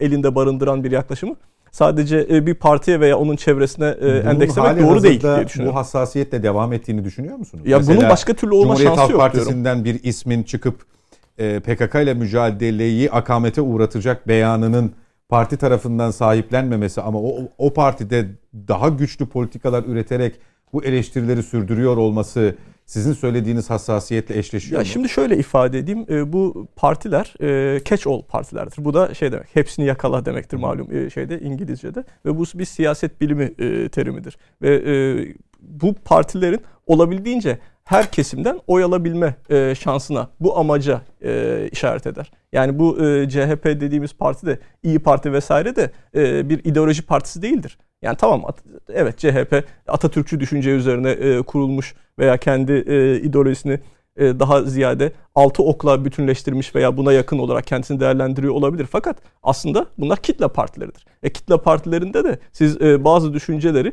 her e, yerden oy alabilmek kaygısıyla biraz daha elinizin altında tutmaya gayret edebilirsiniz. Ama burada şunu da unutmamak gerekiyor bence. Te- temel yani bakış açımızdaki hatalardan bir tanesi bu. Biz şöyle görüyoruz. Şimdi bir tarafta şey iktidar var. Cumhur İtt- İttifakı. İşte orada e, MHP ve AKP var. E, diğer taraftakiler ise sanki bir bütünmüş gibi biz hareket ediyoruz. Böyle düşünüyoruz ama bu doğru değil. Yani mesela e, Millet İttifakı dediğimizde bu İyi Parti'den, e, CHP'den ve Saadet Partisi'nden oluşuyor. E, HDP bunun içerisinde değil. Ama HDP evet muhalefet bloğunun içerisinde. Ama muhalefet bloğunun içerisinde olması e, bu Millet İttifakı'yla bir e, gizli ajandada buluştuğu anlamına gelmiyor ki. E, dolayısıyla Açık ajandada. e, e, hayır, hayır hayır yani buradaki mevzu şu. Şimdi bir ta, iki tarafta e, hükümetin e, el değiştirmesini öngörüyor. İktidarın sonlanmasını öngörüyor ki zaten muhalefet partileri bu demek. Yani o zaman ikisinin aynı e, çerçevede hareket etmesi bunların arasında bir bağlantı olduğu anlamına gelmiyor. Yani bu çok doğal bir e, refleks, çok doğal bir e, süreç. İtiraz. Onu demek istiyorum. A- ayrıca bir de şunu da e, göz önünde bulundurmak lazım ki yani e, biz bazen e, bunlara da çok e, şey yapıyoruz, ra- rastlıyoruz. Mesela diyorlar ki işte bakın siz e, Cumhur İttifakı'na birbirine ne kadar e, uygun politikalar takip ediyorlar. E, AK Parti ve e, MHP. E, diğer tarafta işte e, CHP'nin, e, İyi Parti'nin e, zaman zaman işte Saadet Partisi mesela en, az, en basitten şu İstanbul Sözleşmesi ile alakalı e, fikirleri e, birbirinden farklı farklı veya muhalefet bloğunu düşündüğün zaman evet HDP'nin durduğu e, yer ile CHP'nin durduğu yer bazen gerçekten çok farklı. E, bu, bu nasıl bir birliktelik vesaire diye eleştiriler geliyor. Ama şunu unutmamak lazım ki muhalefet doğası gereği amorf bir yapıdır. Yani evet iktidar birbirine daha yakın düşüncede olan partilerden, gruplardan oluşur ama muhalefetin böyle bir yükümlülüğü söz konusu değildir. Ne zamana kadar? İktidarı ele geçirene kadar. İktidarı ele geçirdikten sonra orada evet bir bütünlüğü ortaya koyması gerekir. Ama şu anki e, konjonktürde e, muhalefetin e, sadece iktidarın sonlanması adına e, bir ortaklık içerisinde, ortaklık derken yani bu dediğim gibi gizli ajandada birliktelik değil, e, ha- hareket birlikteliği, e, eylem birlikteliği içerisinde bulunması bence hiç e, şaşırtıcı değil. E, bu şeyle alakalı da e, e, Sayın e, Perinçek'in yine e, çizdiği kategorizasyondan devam edeceğim. O bağlamda şunu da unutmamak gerekiyor ki bence şu anda Sayın Erdoğan'ın çizgisi hiç öyle Avrasyacılığa vesaire yakın değil. Ben e, Rusya ve e, evet e, o, o- oraya e, yakınlaşmaya ve bunu ABD'ye karşı kullanmaya çalıştığı bir süreç oldu. S-400'ler mesela bunun bir göstergesidir. E, veya işte Şangay İşbirliği Örgütü'ne üye olalım diyecek kadar e, Erdoğan ileri gitti. E, Ama e, bugün ben e, o tarafa yanaşmaktansa Sayın Erdoğan'ın e, ABD ile ve Batı dünyasıyla tekrar bir yakınlaşmanın çaresini, yollarını aradığı düşüncesi içerisindeyim. Yani bu biliyorsunuz Ermeni tasarısın, şey, Ermeni söyleminden sonra, Ermeni soykırım söyleminden sonra Biden'ın Sayın Erdoğan'dan hiç öyle güçlü bir tepki falan gelmedi. Hatta işte Biden beni evime kadar gelmiştir sağ olsun vesaire diye böyle biraz onu onore edici şekil, şekilde de konuştu. Veya işte biz NATO e, e, toplantısında Haziran ayında bunları dile getireceğiz, tekrardan konuşacağız vesaire dedi. Yani öyle e, ben e, Sayın Erdoğan'ın ve onun partisinin e, genel olarak Cumhur İttifakı'nın öyle batıyla e, şeyleri köprüleri atmak vesaire gibi bir düşünce içerisinde olduğunu hiç zannetmiyorum. Bence Avrasyacı bir düşünceye e, karşı onların halen daha e, temel e, per- perspektifi ve asıl istedikleri Atlantik. istedik is- tabii e, başarmaya çalıştıkları amaç orayla tekrar bir bütünlük e, iç- kurmak ve bunun yollarını aramaktalar diye düşünüyorum. Mete Yarar. Yani hocama katılmadığım birkaç yer var. Ee, siyaset bilimi olarak konuştuğu yerler evet herkesin genel olarak e, anlaşabileceği yer. Ee, evet doğrudur. Muhalefet e, partileri iktidara gelebilmek için e, birçok birçok grubu e, içine almalıdır ve büyümelidir. Zaten büyüyemediği için muhalefette kalmıştır, iktidar almamıştır. Ama burada bir etik çizgi vardır. O etik çizgi e, işte örnek kendisi verdiği için söylüyorum. HDP seçmenine yöne- yönelebilirsiniz. HDP seçmenini kazanmak için çaba sarf edebilirsiniz. Ama e, HDP'nin yönetim kademesinin almış olduğu kararları kabul ettiğiniz anlamına gelmez ve bununla ilgili güçlü bir siyaset oluşturmanızı da engellemez. Örneklerini vereyim. Ermeni soykırımını ile yüzleşmelisiniz lafının cevabı bu şekilde verilmemeliydi. İki, Gara operasyonu sırasında hatırlayın. İktidar cephesinden mi diyorsun? Yok şeyden bahsediyorum. HDP Muhalefet Cumhuriyet Halk cephesinden Partisi. Ha, bahsediyorum. Cumhuriyet Halk Partisi. Evet. Yani buna İyi Parti de daha ederek söylüyorum.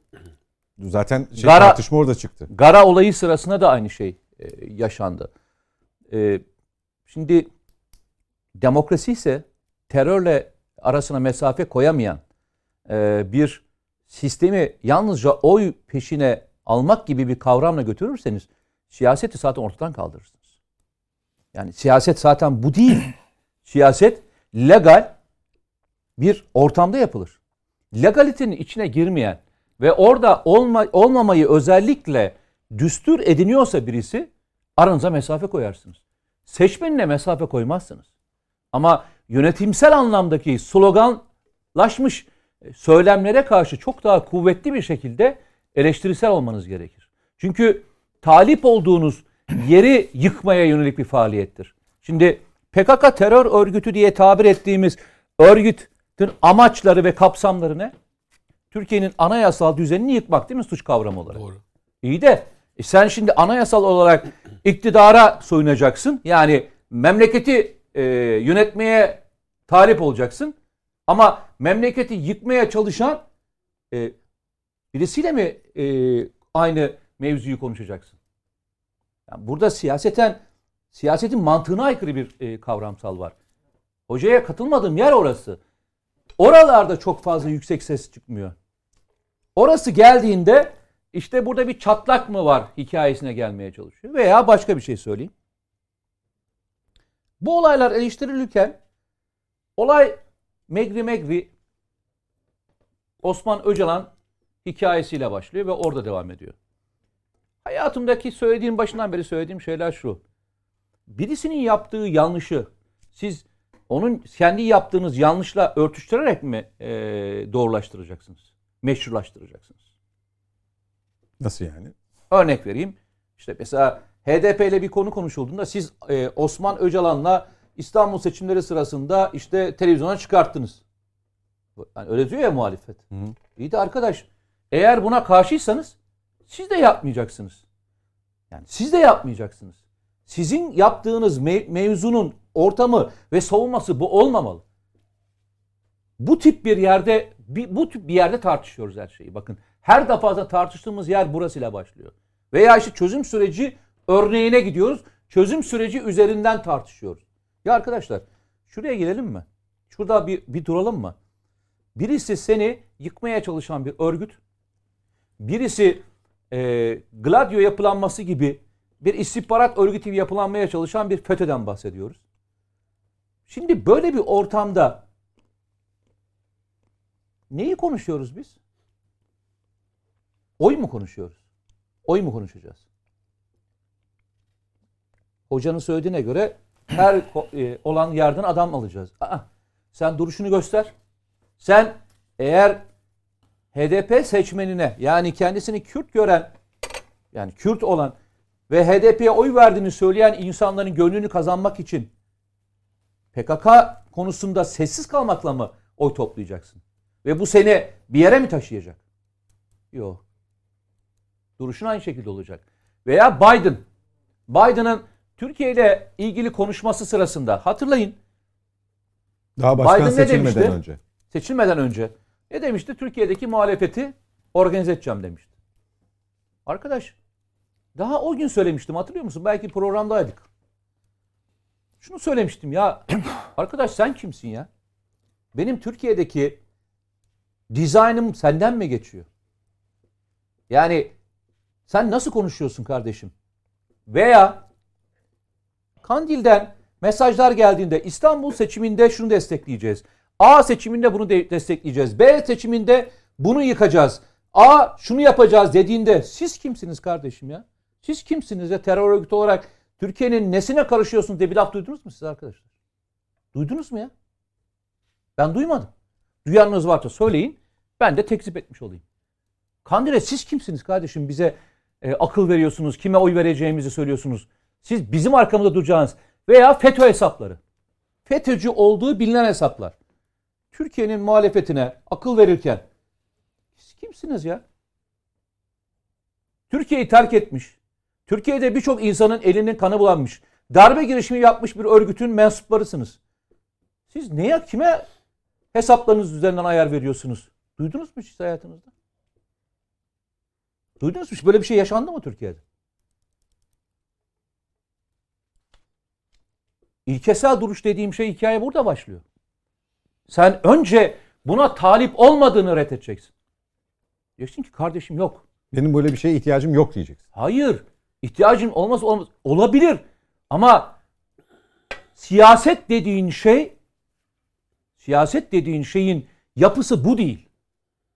Legalite, hukuk, anayasa, seçim, özgürlükler onlarca kavram al ve o kavramları meç et gideceğin yer orası. Bu söylediğim bütün yerler emperyalist güçler veya diğerleri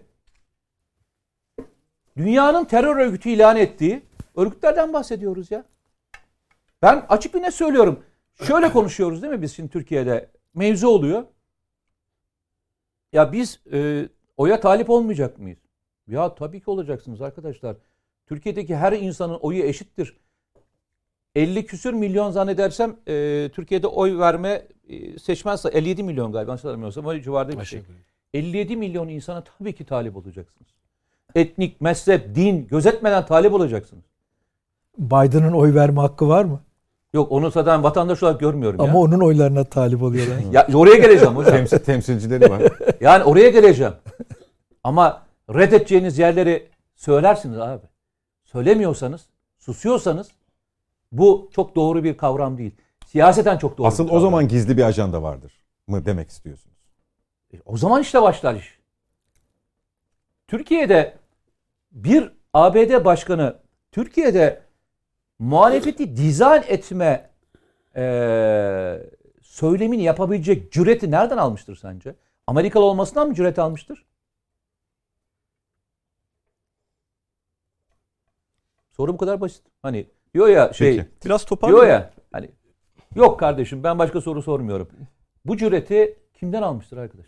Peki Şey- bir Mücahit Bey'e geçeyim. Mete Bey birkaç e, Çok kısa konuda ama, bana çok kısa. e, atıfta bulunduğu Yo, için atıf bulunmadım. Yo, yo, tabii tabii Yani- ben Yo, yo, Ee, bulunabilir. açı, Tabii bulunmadım. Şey- Sizin söylediğinize ek yaptım. Tamam. e, Ek şey yaptım. ben de Ben kendi de Mücahit Bey'den sonra, olayım. Çok e, kategorizasyonla havasına ilgili- devam ediyoruz. Tamam Buyurun. eyvallah. Ee, çok teşekkür ederim. Ee, burada tabii ben e, muhalefet partilerinden herhangi birini temsilen bulunmuyorum asla. Ama biz de hiç e, tabii, temsil tabii, tabii, etmiyoruz tabii, ya. tabii. Ama burada e, şunu ifade etmek isterim. Mesela siz dediniz ya hani bu bu noktada PKK'ya karşı bir tavır kardeşim sana ne oluyor seçim sürecinde vesaire diye bir söz duyduğunuz vesaire. Ben mesela e, Sayın İmamoğlu'nun şey dediğini iyi hatırlıyorum. Ya bunların ne dediği benim için hiç önemli değil tarzında bir çıkış yaptığını iyi hatırlıyorum. Yani bu zaten terörist bir e, ör- örgütlenme. Hani bunların ne söylediğinin benim için bir önemi yok. Tamam, için sonra da? Pervin Buldan'la fidan dikme olayı var, onu nereye işte? PKK ile e, şimdi bir tarafta bir PKK denilen terör örgütü var. E bir tarafta legal bir parti var. Ya o da onun başkanı. E, bunu da ifade ha orada onu söyleyeyim. Yani e, gayet tabii ki burada e, HDP'ye yönelik eleştirilerimiz her zaman mahfuz olabilir ama sonuçta legal bir, bir parti ise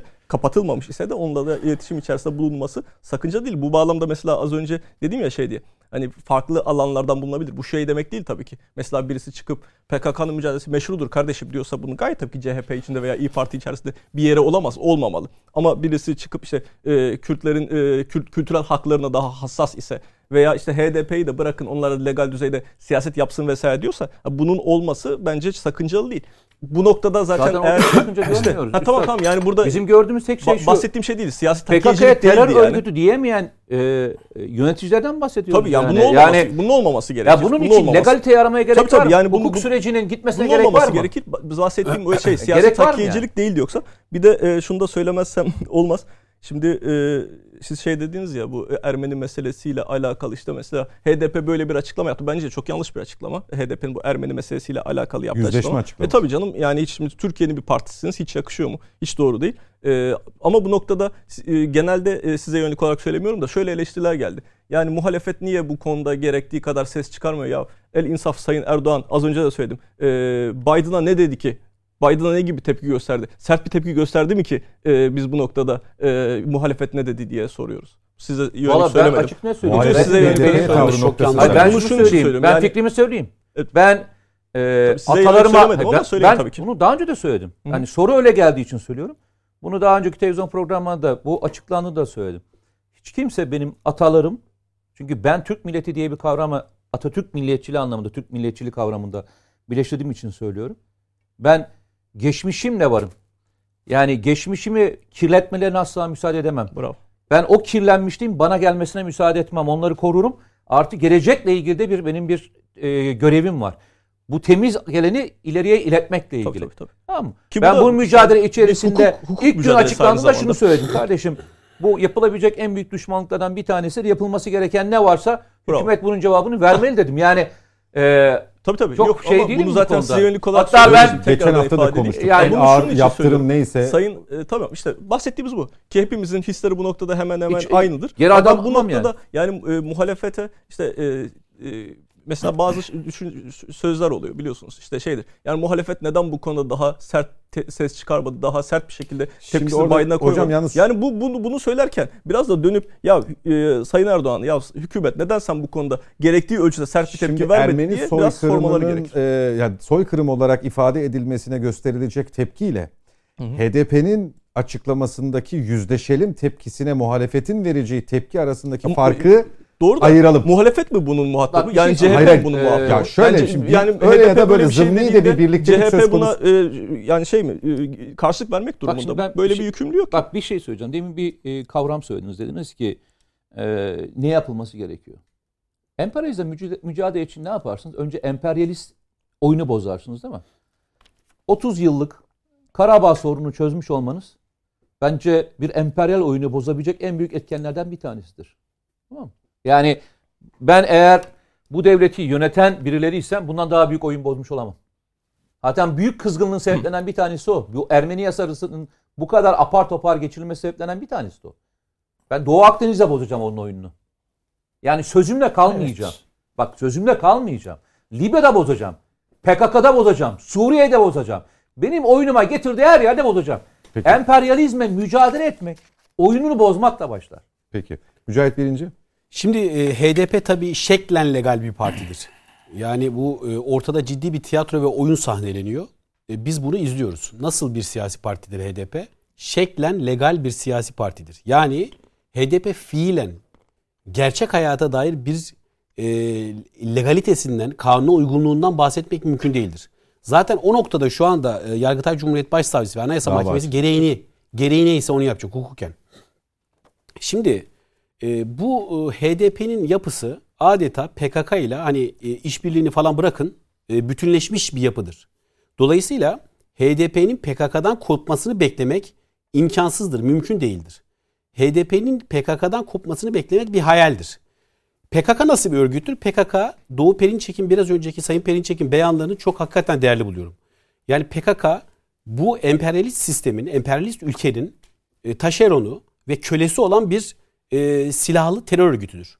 Dolayısıyla bu silahlı terör örgütünün siyasi uzantısı da HDP'dir. Bakın bu noktada beyanda bulunduktan sonra HDP'nin bir şikayetini bize karşı bir dava açmasını görüyor musunuz? Hayır. Niye? Çünkü ikrar vardır. Kabullenmişlerdir bunu. Dolayısıyla bu böyle bir asimetrik partiden bahsediyoruz. Asimetrik bir muhalefetten bahse- bahsediyoruz. Yani Türkiye'de özellikle 15 Temmuz sonrasında muhalefet iktidar ilişkileri simetrik şekilde gitmemektedir. Neden gitmemektedir? Çünkü bakın Birincisi biraz önce e, ifade etti. Ben onu biraz daha genişleteyim. Muhalefet iktidar ilişkisi Simetrik, simetrik, simetrik değildir. Simetrik yani çizgiye uygun bir muhalefet iktidar ilişkisi yoktur. Şöyle. Bakın Cumhuriyet O- Halk Partisi olmaması gerekiyor zaten. e, hayır hayır. Başka bir şey kastediyorum. Açacağım şimdi.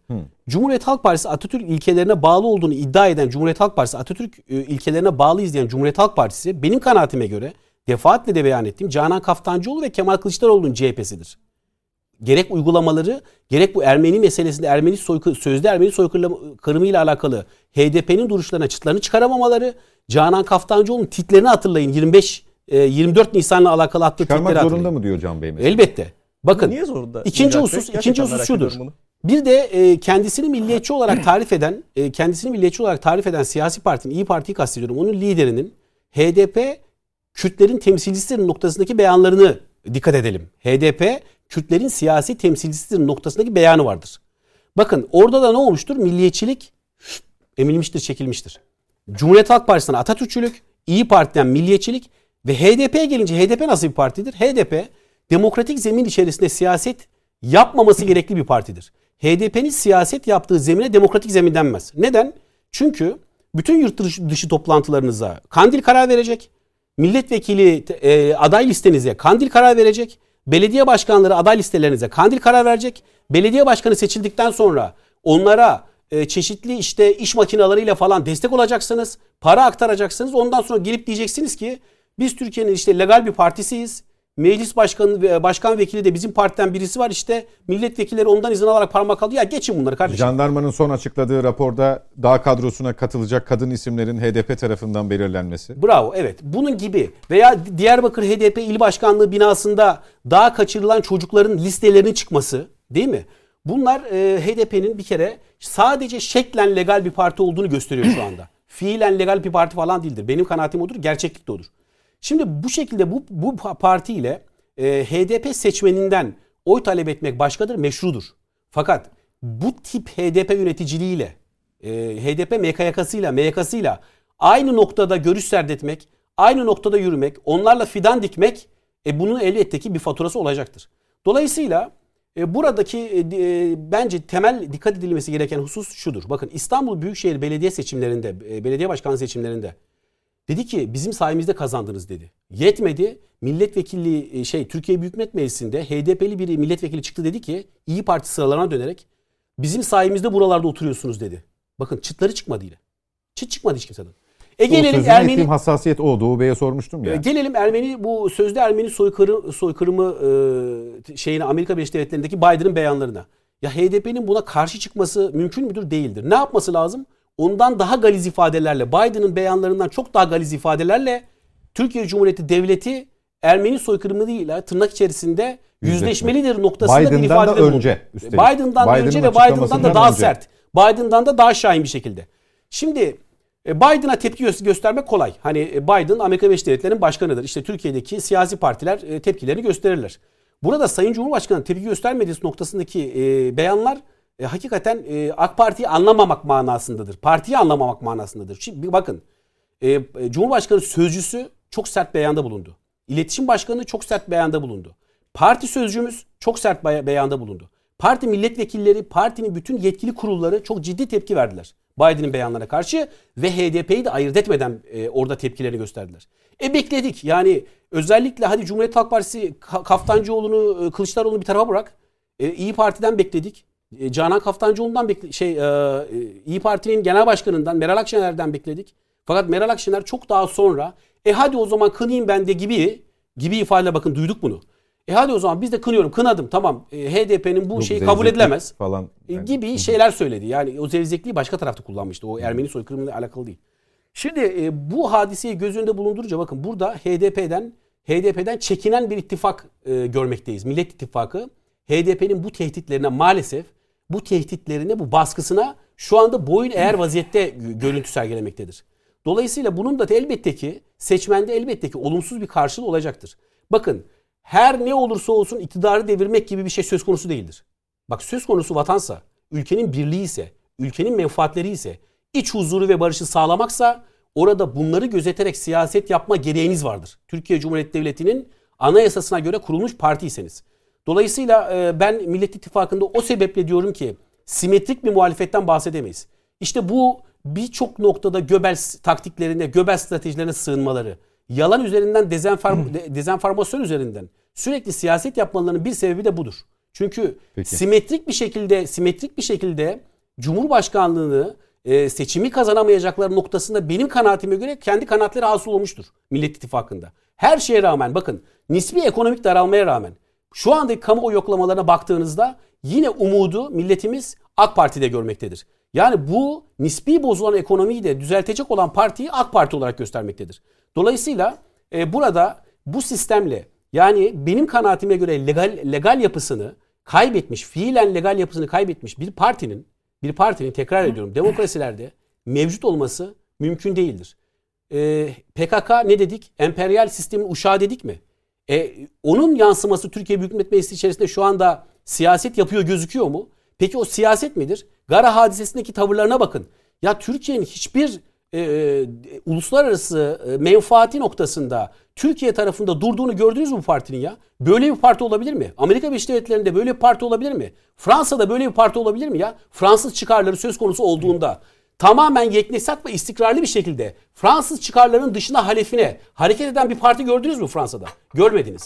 E Türkiye'de böyle bir hal vardır. Dolayısıyla bu siyasi partimsi bir e, harekettir ve fakat e, yular Amerika Birleşik Devletleri'nin Biden elindedir. Biraz önce Peki. ifade ettiği gibi. Siz tepkiyi mi sert yeterince görmediniz hükümet Evet. cephesinden yoksa daha somut adımlar Daha atılması noktasında e, yani işte üstlerin kapatılması vesaire gibi Zaten tepki bir- demek bu demek. Yani tepki demek e, Söylem bazında bunu- değil. E, söylem Kalkıp bazında da bir şey yok ki. halimiz yok. Sö- söylem bazında da- yani çünkü o zaman ben e, Mücahit Bey'e de soru olarak e, ifade edeyim. Şimdi mesela siz dediğiniz ya şey diye. AK Parti'yi anlamamaktır bu noktada. Niye e, Erdoğan yeterince güçlü bir tepki vermedi demek Hayır dediniz ya. bakın Erdoğan Sayın Cumhurbaşkanımız yeterince güçlü tepki vermedi demedim. Tamam, Sayın yok işte bunu demek şeydir. AK Parti'yi Bakın, anlamamaktır Sayın dediniz? Cumhurbaşkanımızın bu konuyla alakalı bu şekilde değerlendirilmesi Sayın Cumhurbaşkanımıza hiç tanımamak Tamam, manasına işte peki. Neden? O zaman- o zaman Çünkü. Sayın Cumhurbaşkanımız Cevabı alın. daha bir ay önce Cumhurbaşkanı olmuş bir lider değildir. 2002 Tamam. yılından buraya gelen siyasetini görmek lazım. Ermeni sözde Ermeni soykırımıyla alakalı beyanlarına dikkat etmek Ermeni lazım. soykırımıyla alakalı demeyeceğim de, de- mesela biz şunu çok iyi biliyoruz. Sayın e, Erdoğan çıkıyor e, mesela diyor ki ey Esad, ey Macron veya işte Irak e, liderine dönüyor diyor ki sen benim dengim değilsin, kıratım değilsin. Yani biz Sayın Erdoğan'ın bu gibi sert söylemlerine alışığız değil mi? Yani hani tanımamaksa. Biz zaten Sayın Erdoğan bunu yapıyor. Yani niye böylesi bir söylem yok diyorum. E bu laf Birincisi efendim bu. bunun bir kıymeti yok ki. Ee, doğru değil. Pratikte bu cevap yapısı- vermek Hayır, lazım. pratikte cevap vermek Bakın, lazım. Bu dediğinizde evvel çok katılıyorum. güzel Fakat söyledi. hani söylem olarak da İktidarın. Hani pratiğine pratik- bakmak Doğru. lazım. Pratik olarak yok ama.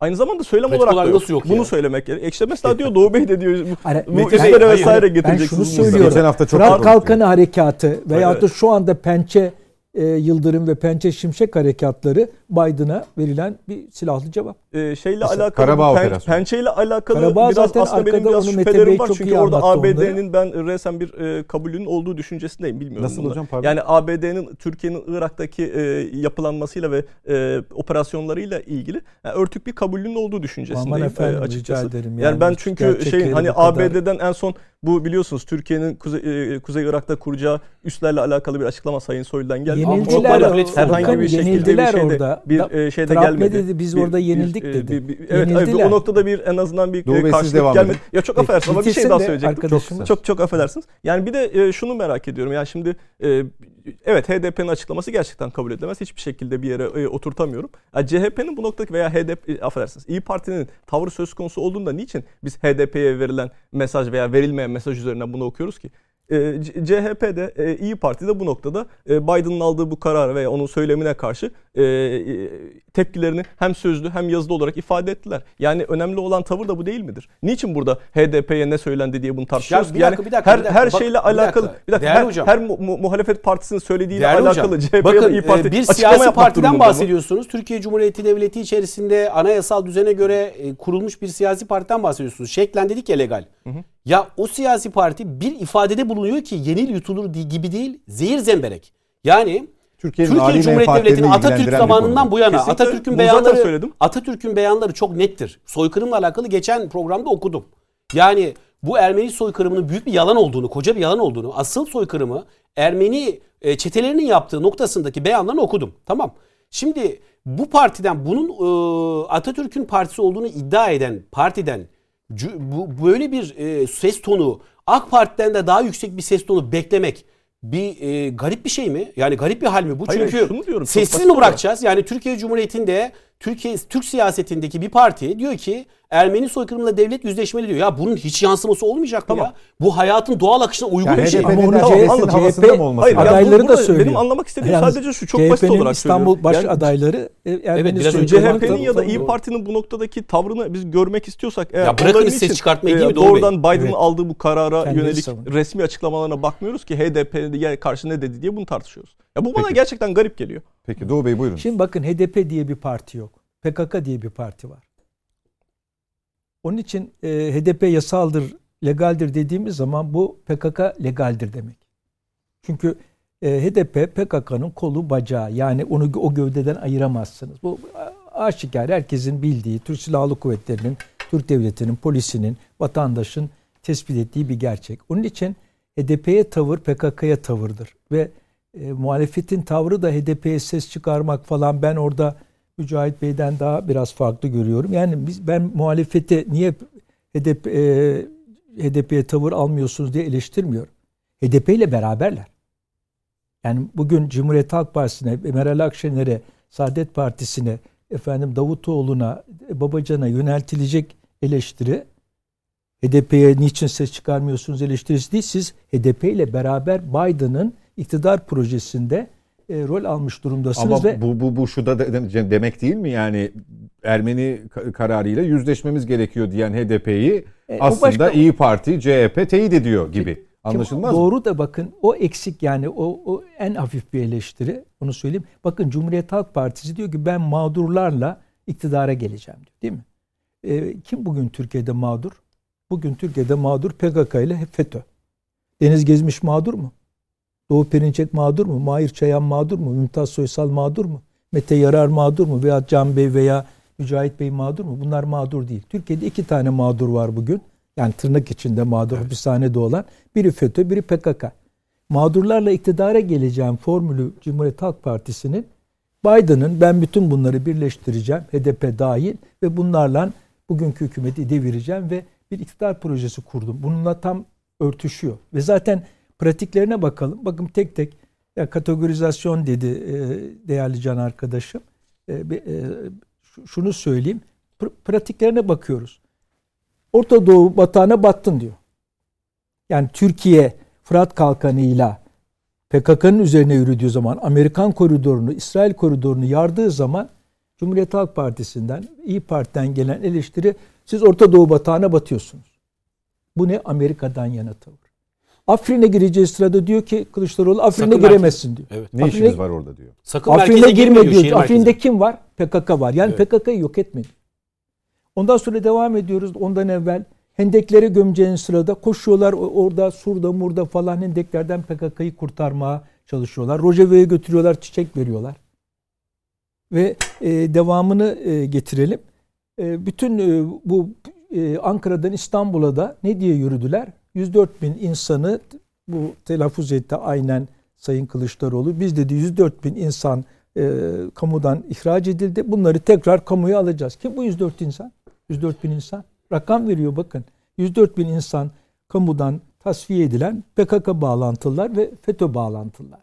Yani bütün pratiklerinde ekonomi dahil.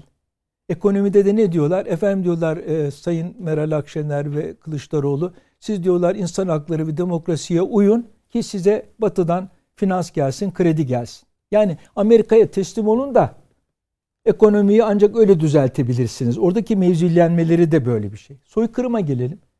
Soykırımda da diyorlar ki tabii diyorlar siz Türkiye'yi Amerika'ya kafa tuttunuz. Bakın Meral Akşener'in ve Kılıçdaroğlu'nun açıklamalarının içini okuduğumuz zaman şu çıkıyor. Siz ey Tayyip Erdoğan Amerika'ya kafa tuttunuz. Amerika'da tabii sizi cezalandırır. Sizin dış politikanızın sonucu bu diyorlar. Orada da tamamen Atlantik tarafındalar. Yani onun için ben bir kategorizasyon falan filan yapmıyorum. Ha- Hayata, gerçeklere bakıyorum. Gerçeklerde bunlar tamamen Atlantik'in kontrolündeler ve Biden'ın e, mağdurlarla iktidara gelme, FETÖ ile PKK ile beraber iktidara gelme stratejisini e, uyguluyorlar. Bunu görmemiz lazım. Bir de zannediyorum e, bir videoda e, var bir konuyla ilgili bu soykırım meselesine O, hayır dair. onu da konuşuruz. Evet o, O soykırıma arkadaşlarım- gelince konuşuruz onu. Ha şimdi burada e, Can Bey'in şu tespiti de hiç gerçekle bağlantılı değil. Diyor ki e, bugün diyor e, Tayyip Erdoğan yönetimi e, Amerika'ya daha fazla yaklaşıyor ve göreceksiniz Amerika'ya dönecek falan. Böyle bir ihtimal yok. Bu Tayyip Erdoğan'ın intiharı olur. Ve Türkiye buna izin vermez. Neden izin vermez biliyor musunuz? Şimdi Biden diyor ki bir hücum borusu öttürüyor. Bu basit bir insan hakları açıklaması, bir e, beyan değil. Sonra konuşalım onu. Peki. E, açıkça e, Biden diyor ki ben diyor Türkiye'yi hedef alıyorum ve Türkiye'ye bazı uygulamalar yapacağım. Çünkü benim Türkiye kontrolümden çıkıyor diyor ve oradan bize silah gösteriyor. Aslında e, bu Ermeni soykırımı ile ilgili açıklaması bir hücum borusu, bir işaret fişeği, bir silah gösteriyor. Onun için bu ortamda Türkiye'nin bu Amerika'ya teslim olma ihtimali sıfır. Ne Türk ordusu teslim olur, ne Türk sanayisi teslim olur, ne Türk çiftçisi teslim olur, ne Türk çarşıları, ne Türk milleti hiçbiri teslim olmayacak. Onun için Türkiye'nin başında bulunan Tayyip Erdoğan'ların da bütün bu Türk milletini, Türk ordusunu falan bunları bırakıp tekrar dönüp 2014 öncesinde olduğu gibi Amerika'ya yönelme ihtimalleri sıfır Can Bey. Bakın bu ikimiz burada konuşuyoruz dördümüz, beşimiz. Ondan sonra göreceksiniz ben Tayyip Erdoğan'ın tekrar Amerika'ya dönme ihtimalini sıfır olarak görüyorum. Çünkü Türkiye öyle bir e, iktidarı sırtında taşımaz. Tekrar Türkiye'nin Atlantik sistemine dönme ihtimali yok. O da e, çok önemli bir e, Neden husus. sıfır Sayın Perinçek? Çünkü yani Can Bey biraz daha sıfır. politika Şunun için sıfır. son zamanlarda yürütülen politika söylemler sıfır. üzerinden bunu Çünkü belki şunun için sıfır. Atlantik'te boş batağında boğuluruz. Atlantik'te parçalanırız. Türkiye parçalanmayı kabul eder mi? Atlantik bize parçalanmayı dayatıyor. Atlantik bize boş batağında boğulmayı dayatıyor. E, biz boş batağında boğulmayı da kabul etmeyeceğiz ve etmedik. Etmemek yönünde gelişiyor süreç. İkincisi biz 2015 yılından beri Amerika ile silahlı mücadele yürütüyoruz. Yani Atlantik'e tekrar dönecek adam pençe şimşek, pençe yıldırım harekatlarını yapar. At- Amerikan üzerine Can Bey orada da bir zımni bir destekten bahsediyor. Hayır Bizim efendim bu operasyonlarımıza yönelik. hayır efendim olur mu Ee, Türk ordusu aslanlar Amerika'ya rağmen mi Şöyle- yapıyoruz şöyle, biz operasyonu? onu Tabii açmak Amerika'ya rağmen, bakın- şöyle bir şey söyleyeyim. Bakın Siz bitirin 2015'ten bu yana yani 24 Temmuz 2015'te Türk hükümetinin e, silahla PKK'nın üzerine yürüme kararı alıp hendeklere gömdüğü tarihten itibaren bizim her harekatımıza Amerika dur yapma seni cezalandırırım bilmem ne yaparım falan bu tavrı aldı ve bugün de o tavır ama Amerika ne oldu? Trump'ın itiraf ettiği gibi yenildi.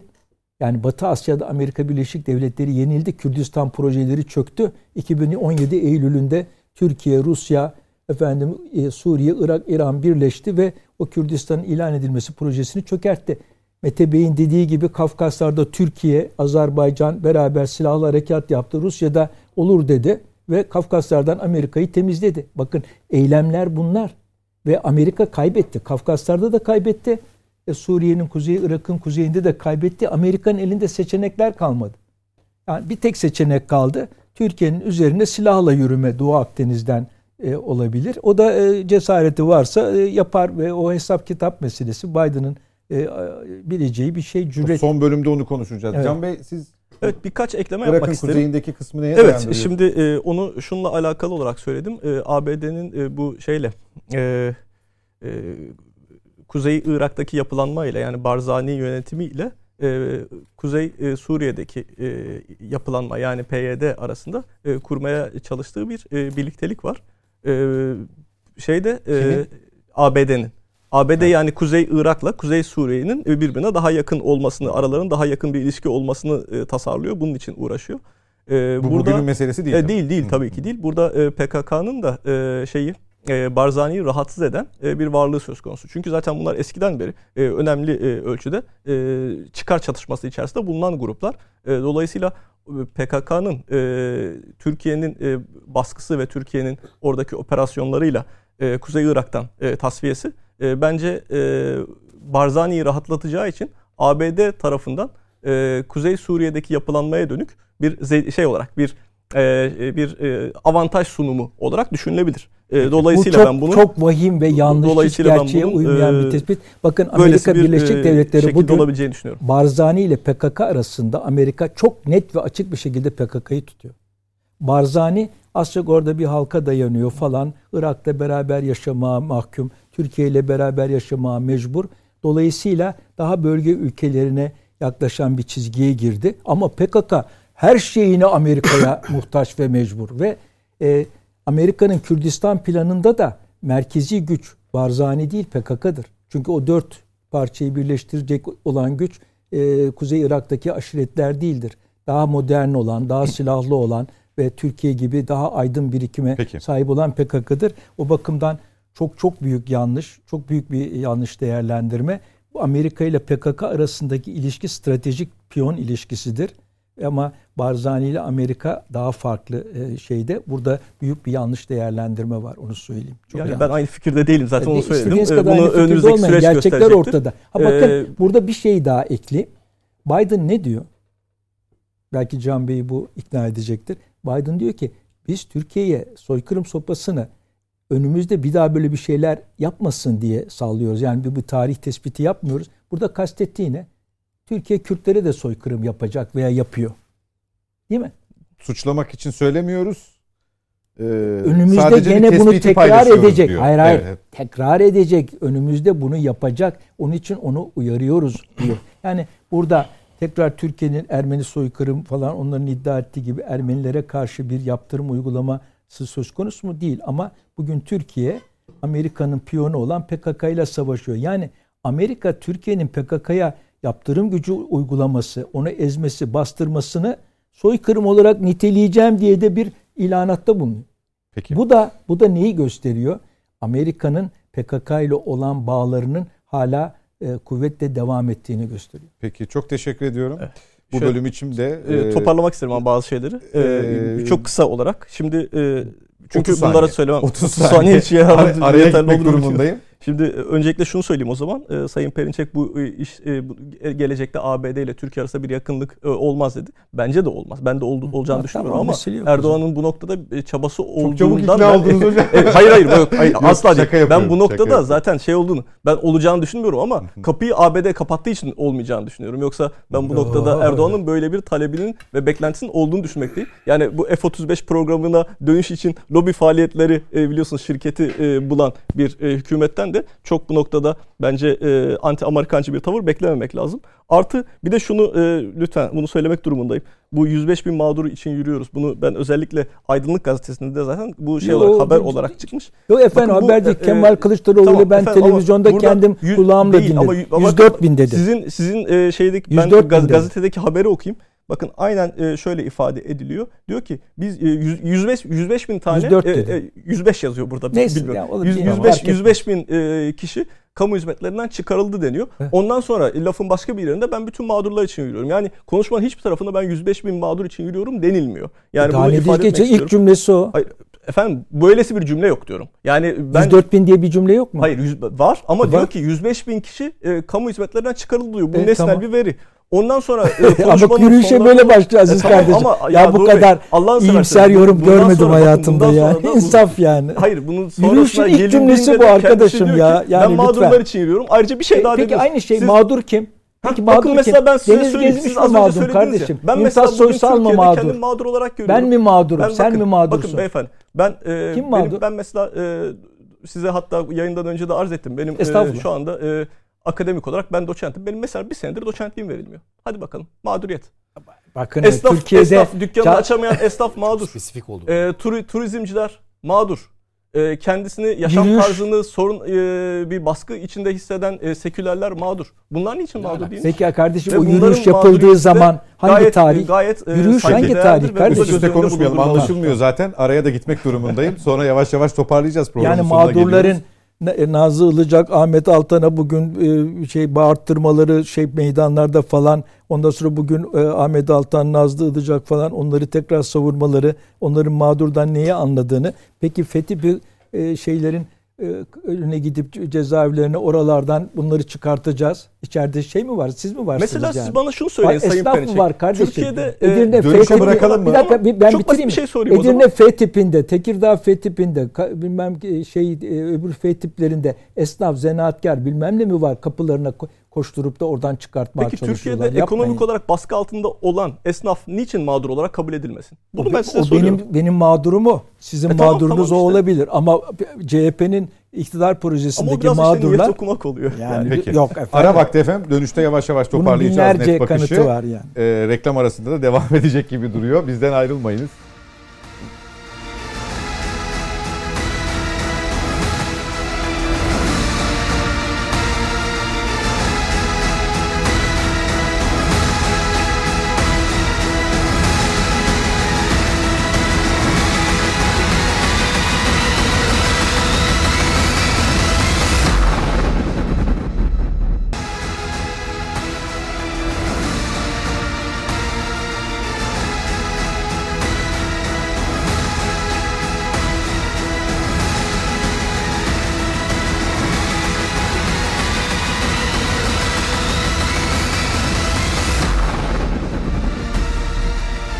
Yeniden birlikteyiz efendim Net Bakış'ta. Son etaba girdik. Ee, iç siyasete dair konuları değerlendiriyorduk, konuşuyorduk. Ee, tabii soykırım ifadesini kullanması Amerika Birleşik Devletleri Başkanı Biden'ın e, Türkiye-Amerika ilişkilerinin seyri, Türkiye'nin buna karşı atacağı tepkisel somut adımlar. Doğu Bey ve Can Bey arasında bir e, operasyonlar üzerinden bir tartışma yaşanmıştı ama bir de şu var, e, TRT World'de yayınlanmıştı. Daha önce Anadolu Ajansı muhabirine verilen de bir demeç var. Amerika merkezli iftiralara karşı Türk Birliği'nin avukatlığını yapıyor bu isim. Anayasa uzmanı Bruce e, Fein ki kendisi eski Amerikan Başkanı Donald Reagan döneminde Adalet Bakanlığı müşavirliği de yapmış. Ona dair videoyu arkadaşlarımız İngilizce olduğu için bir yandan döndürsünler. Doğu Bey'e de sözü vereceğim. Kısaca şunu söylüyor. Biden'ın açıklamasını eleştirmekle beraber sert bir şekilde eleştiriyor. Ee, bizim öteden beri söylediğimiz kısmı yineliyor. Ermenistan neden arşivlerini açmadı? Bu anlamda bir sorgulama neden yapmıyoruz diyor.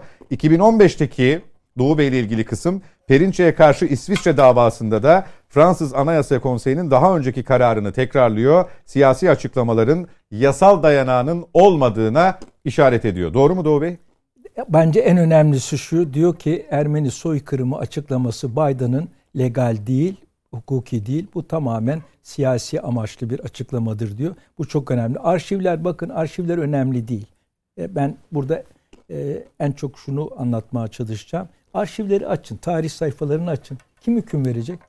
Bin yıl tartışın. Türk devleti de burada yanlış bir mevzide. Bugünkü hükümette. Yani devamlı arşivleri açalım, tarihi... Biz arşivlerimizi açtık, açıyoruz, açmaya hazırız Peki dememiz kim- de mi kim yanlış? kara- yanlış. Bizim de mi dememiz yanlış? Hayır şöyle onu bizim de dememiz yanlış. Biz şunu söyleyeceğiz.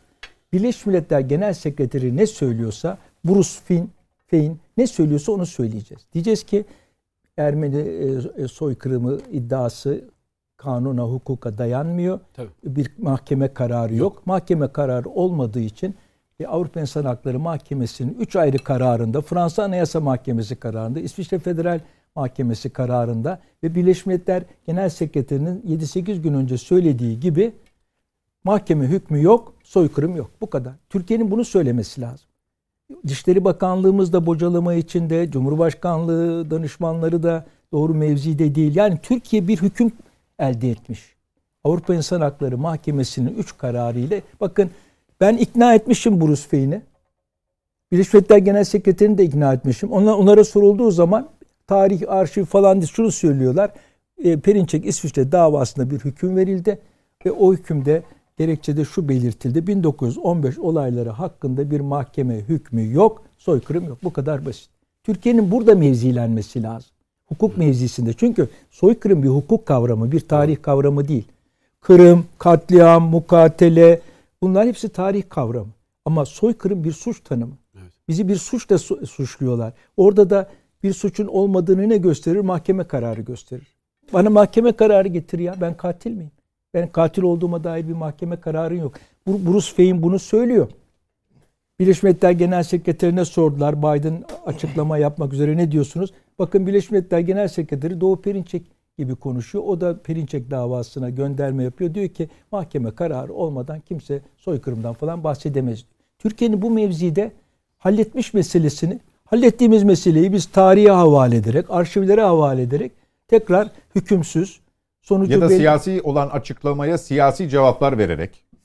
Ha, ha, o başka. O da şu. Ha sen burada hukuk dışı bir suçlamada bulunuyorsun. Senin niyetin farklı. Bakın Bruce Wayne onu da söylüyor. Diyor ki bu karar bir hukuki legal karar değildir. Bunun arkasında bir siyaset var diyor. O siyasette ne? Türkiye'ye düşmanlık siyaseti. Sen bana silah gösteriyorsun. Bizim Sayın Cumhurbaşkanımızın ve hükümetimizin bunu görüp buna eylemli bir cevap vermesi lazım. Yani karşı taraf laf söylemiyor. Bir tehdit yöneltiyor. O tehdide bizim de kararlı olarak bir İncirlik ve Kürecik üslerini Türk Silahlı Kuvvetleri'nin kontrolüne alıyoruz. Suriye ile derhal askeri işbirliğine geçiriyoruz ve orada PKK'yı bitiriyoruz. Kuzey Kıbrıs Türk Cumhuriyeti'nin tanınması için derhal harekete geçiyoruz. HDP'yi kapatıyoruz. Bunların hepsi eylemli cevaplar. Peki. Ee, Mete Erer bugün önemli bir ziyaret gerçekleşti. Ee, Dışişleri Bakanı, Sayın Milli Savunma Bakanı beraberlerinde Genelkurmay Başkanı ve MİT Başkanı da olmak üzere e, Libya ziyareti Doğu Akdeniz denkleminde aslında yeni bir döneminde işareti gibi gözüküyor. Ee, Mısır'la yakınlaşma aynı şekilde. Ee, bu denklem bugünden yarına nereye evrilecek?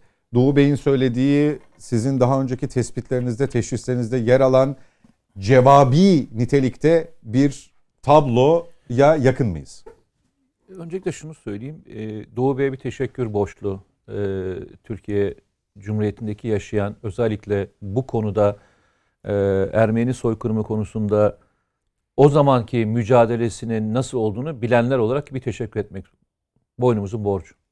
Kardeşine borçluyuz. Ee, ömrün bir kısmını e, Rusya'daki e, arşivleri araştırdığı için.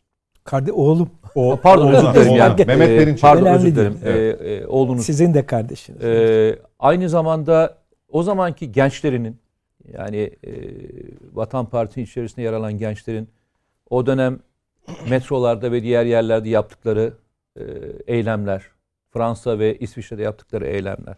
Bunların hepsi karşılıksızdı. Herkesin e, herkesten farklı bir şekilde bir mücadele alanları vardı. Siyaseten çok karşılığı olmayan bir şey. Yani Türkiye'de siyaseten karşılığı yoktu. Ve bu mücadeleyi çok istek ve arzuyla yaptılar ve tarihe bir not düştüler. O yüzden ben hani bir vatandaş olarak teşekkür ediyorum. Biz de Ee, teşekkür bu ederiz. yaptıklarınız için. Beraber yaptık. İkincisi bu yaş yani anlatılanları e, konuştuğumuzda e, Biden Biden'ın kendi mesajları da var tabii. Yani bu bir siyasi asıl siyasi konulardan bir tanesi şu. Biden'ı niye eleştirdiler? Trump'ı niye eleştirdiler? E, Türkiye'nin harekatını engelleyemedi Karabağ'da. Yani 30 yıllık e, bir sorunu e, onlar uzata uzata götürüyorlardı. E, ve Türkiye Azerbaycan'la beraber bu sorunu bıçak gibi atarak çözdü.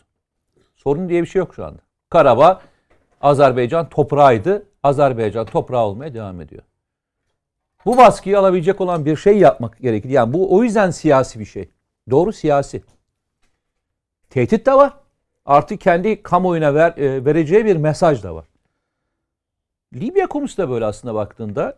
Libya konusu da Amerika Birleşik Devletleri'nin de Fransa'nın çok istek ve arzulu olduğu bir konu değil. Türkiye için çok istekli olduğu bir, e, Türkiye'nin orada olmasından çok istekli oldukları bir konu değil. E, ama bir müddet sessiz kaldı Amerika. Neden sessiz kaldı? Rusya'nın e, Libya sahasında kalmasını istemediği için e, onu dengeleyen o zamanki Hafter e, Hafter taraftarlarıyla Türkiye arasındaki o e, yer alan e, sorunlarda e, Türkiye'nin yanında Rusya'nın karşısında yer aldı. İsteye ve isteyerek veya istemeyerek. Ama Türkiye e, pozisyonunu Amerika'ya göre belirlemedi. Kendi çıkarlarına göre belirledi. Yani Mavi Vatan dahil olmak üzere Libya ile geçmişten gelen ilişkiler üzerine belirledi. Bugün çok ilginçtir. E, gidildiğinde, bölgede bulunulduğunda e, Dışişleri Bakanı ne açıklaması yaptı? Libya Dışişleri Bakanı çok ilginç bir açıklama yaptı. Dedi ki e, Türkiye'den şunu istiyoruz. Libya'da bulunan yabancı güçlerin çıkartılması ile ilgili Türkiye'nin desteğine ihtiyaç duyuyoruz. Onu buraya geldiğinde de söylemişti. Evet, başbakan. yani söylemişti. hayır bunu Dışişleri Bakanı açıklama hı yaptı. hı. Yani Türkiye'yi bir yabancı e, ülke olarak görmüyor. Onunla beraber çıkartmayı, yani oradan yabancı güçleri çıkartmayı Türkiye'nin desteğiyle yapmayı düşünüyor. Çünkü kardeş olarak görüyor. Hatta onların kendi içerisinde bugün Yusuf kardeşim de e, tweetinde gördüm. Oranın böyle Türkiye'de de hani vardır ya bazı kişiler olayları çok güzel anlatırlar. E, sosyal medya fenomeni diyebileceğimiz çok da sözü geçen kadınlardan bir tanesi şey demiş. Türkiye o dönemde geldiğinde Libya'ya emperyalistler gibi bizden bir parça kopartmaya çalışan sırtlanlar gibi değil, bir kardeş gibi yanımıza durdu demiş. Çok doğru bir tanımlama. Peki. Bugün e, orada bulunmasının sebebi, güçlü bir şekilde gidilmesinin sebebi biliyorsun şu andaki komite Milli Birlik Komitesi ve bir geçiş sürecini aslında yönetiyor. Ve bu geçiş sürecinde Türkiye'nin e, bir yol haritasını onlara e, uygulatmaktan çok onların yol haritasını kolaylaştıracak olan etmenler e, katıyor. Yani Türkiye Fransa gibi, ABD gibi ve başka ülkeler gibi bir şey dayatmıyor. Onların bu yolculuğunda onlara güç ve e, kol kanat geriyor. Bunu öyle görmek lazım. Libya konusunda şey Mısır konusunda ben bir şey söylemiştim hatırlarsan. Mısır'ın politikasını beğenirsiniz, beğenmezsiniz. Mısır'da bir dikkat, dikta rejim vardır. Eyvallah. Ama e, uygulanması gereken, gereken de bir dış politika var. Başından beri söylüyorum. Yani büyükelçilerin çekilmesi konusundaki savaş harici ben her yerde muhakkak büyükelçi olması taraftarıyım. Yani diplomasinin önünün kesilmemesi taraftarıyım. Diplomasiyi sürdürebilecek olan bütün kanalları açık tutacaksınız ve sürdüreceksiniz. Bugün Mısır konusundaki gelinen nokta çok ümitkar olmamak kaydıyla bir kez daha söylüyorum. Yani büyük sürprizler ve büyük e, değişimler beklemeyin. Ama sürecin en azından karşılıklı olarak birbirini dinleme noktasına gelmiş olmasını da ben bir başarı olarak görüyorum. Can Bey iki dakika lütfen. Ee, tamam o zaman Mete Bey'in e, bıraktığı yerden devam edeyim ben de. E, bu Mısır'la alakalı e, atılan adımları e, son dönemde ben de e, beğenerek takip ediyorum. Olması gereken de buydu. E, yani e, Türkiye'nin e, Mısır'la e, çatışan bir çıkarı yoktur. Ben e, bunu iki senedir programlara çıkıyorum ve iki senedir hep bunu dile getirdim. Ben Türkiye ile Mısır'ın çatışan bir çıkarının olduğunu düşünmüyorum. Ama Türkiye'nin bu noktada Arap Baharı konseptine e, çok fazla bir e, angaje olması durumu söz konusuydu. Yani evet e, Mursi haksızlığa uğrayarak gitti. Bunu hiç kimse reddedemez ki e, zaten vefatı da son derece dramatik oldu. E, ancak Türkiye e, Mursi ile olan yakınlığı e, o kadar fazla e, bir dış politika e, unsur haline getirdi ki sonrasında yeni gelen e, yönetim ile herhangi bir ilişki kurma e, şansı kalmadı. E, Türkiye ile e, Mısır'ın arasındaki sorun da ideolojik bir sorundu. Ve o yüzden de bunların mutlaka aşılması gerekiyordu. Bunun aşılması için de Türkiye'nin Arap Baharı konseptini terk etmesi gerekiyordu ve Türkiye bugün bunu yapıyor ama ben bunu işte diyorum ya iki senedir söylüyorum. İlk, söylediğimde yani gerçekten karşımdaki özellikle iktidar cenahından olan e, tartışmacılar yani demediklerini bırakmıyorlardı. Olur mu Mısır'la bir araya gelir mi vesaire ama işte siyaset böyle bir şey. Sizin dediğiniz gibi işte diplomasi böyle bir şey. Yani diplomasi de böyle yürür. Yani diplomatik e, alanları mutlaka kanalları açık tutmak gerekir. Bu çok e, önemli ve değerli. E, burada Atatürk'ün e, bence e, yolunu takip etmek e, mantıklı olur her konuda olduğu gibi. E, çünkü Atatürk e, milliyetçidir. Atatürk asla öyle şey birisi değildir. Öyle e, Türkiye'nin çıkarlarını e, daha farklı açıdan değerlendirecek birisi değildir ama e, bunu her zaman rasyonelite çerçevesinde ve diplomatik e, nezaket ve e, rasy- e, şey e, bunu Türkiye'nin e, asla e, söylemsel bakımdan e, Türkiye'nin başına bela açmayacak bir e, çerçevede e, yerine getirmiştir. E, Türkiye'nin de bu çizgide devam etmesi ve bölge ülkeleriyle olan e, gerekirse mücadelesini ama aynı zamanda da diplomatik e, müzakere kanallarını her zaman açık tutması gerekir. Mücahit Bey bugünkü çıkarmayı siz nasıl değerlendiriyorsunuz? Ben tabii Türkiye-Mısır meselesinde olumlu bakan e, arkadaşlarınızdan biriyim. Türkiye-Mısır meselesiyle alakalı Türkiye gerektiği tepkiyi mesela o işte Mursi'nin alaşağı edilmesi, demokratik dışı yöntemlerle alaşağı edilmesi noktasında Türkiye Cumhuriyeti Devleti'nin çok haklı bir tepkiyi zamanlaması da çok uygun bir şekilde verdiği kanaatindeyim. O tepkinin de verilmesi gerekiyordu. Çünkü sivil siyasetin tarafındayız ya. Yani Murs, e, şeye bu e, darbeci Sisi'ye kapısına koşup İngiltere gibi, Fransa gibi veya Amerika Birleşik Devletleri gibi sözde demokrasiden bahseden, sürekli demokrasi öne çıkaran bu emperyalist kuvvetler gibi Türkiye kapısında koşup e, bu noktada bir e, işte hemen işbirliğine başlayalım veya Suudi Arabistan gibi işte e, Mursi'ye para desteği vere şey e, Sisi'ye para desteği verecek hali yoktu Türkiye'nin. Türkiye Cumhuriyeti Devleti orada da rasyonel e, duruş sergilemiştir. Kuvvetli, rasyonel bir duruş sergilemiştir. Duruşu kavi olmuştur. çok da olumlu bir duruştu benim kanaatime göre. Benim hiç eleştirdiğim bir taraf yok. E, fakat işte ne zaman ki e, menfaat hadiseleri e, konuşulmaya başlandı. işte Doğu Akdeniz'le alakalı. Elbette ki Türkiye'de burada o rasyonel tutumunu devam ettirerek mesela Sisi'ye darbeci değil mi dedi Türkiye? Hayır. E, fakat Mısır halkının da menfaatine olan konularda e, elbette ki Mısır'la işbirliği noktasında bir zemin aramaya başladı. Türkiye Cumhuriyeti Devleti ile Mısır. Bu karşılıklı bir hadisedir. Demek ki burada da e, rasyonel ve duygusallıktan ari bir tavır söz konusudur. Peki. Ben uzun süredir bakın şeyden bahsediyorum. Bir Erdoğan doktrininden, Türkiye doktrininden bahsediyorum. Bu nasıldır? Türk Silahlı Kuvvetleri ile sahada e, kuvvet gösterip arkasından diplomatik e, iletişimi kurmak noktasında bir doktrindir. Bu da onun devamıdır. Doğu Bey son söz sizin. Libya ve Mısır özelinde bugünkü e, hızlı temaslar aynı zamanda. E, Bakın şimdi Türkiye'ye tehdit Doğu Akdeniz'de yeni denklem Evet, yani ana bir kere başlığı tehdidi altında. saptamamız lazım. Türkiye'nin etrafını Amerikan üsleri, Dede Ağaç, Larissa, Kavala, Selanik, Filipoviç, Girit'in kuzeyi, Kıbrıs'ın güneyi, Suriye'nin kuzeyi, Irak'ın kuzeyi, ondan sonra Gürcistan, yukarıda Ukrayna. Yani etrafımızı Amerikan üsleri sarmış namlularını bize yöneltmiş. Biz burada bölge ülkeleriyle bu tehdide cevap verme konumundayız ve iki tane e, arkamızda büyük başarı var ve model yarattık. Birisi Kürdistan planını Amerika ve İsrail'in o da Kürdistan değil ikinci İsrail planlarını bozduk. Ondan sonra ikincisi de Karabağ'dan e, Ermeni işgalini e, oradan Amerika'nın da ayağını kesmiş olduk. Bu, bu modeli sürdürmemiz lazım. Yani bölge ülkeleriyle beraber ki burada bunların en önemlisi Rusya'dır çünkü çok büyük silahlı gücü var. Ondan sonra bu bölge ülkeleriyle beraber Amerikan tehditlerine karşı caydırıcı bir kuvvet oluşturmak. Libya'da, Mısır'da da bu e, genel e, Akdeniz, Karadeniz çapında stratejinin bir e, uygulamasını şu anda görüyoruz. E, çok faydalı, çok e, esaslı. Bunun devam etmesi beklenir ve olacak, böyle olacak. Peki. Sayın Perinçek çok teşekkür ediyoruz. Biz size efendim. teşekkür ederiz. Çok güzel arkadaşlarımızla. olduğunuz için. Çok Mücahit Bey verimli bir teşekkürler. Sağ olun. Can Hocam çok sağ olun geldiğiniz için. Meteorlar haftaya Buyurun, görüşmek üzere olun. Bugünlük net bakışı Ermeni noktalıyoruz. soykırımı ile ilgili bir önerim var Dışişleri Bakanlığı.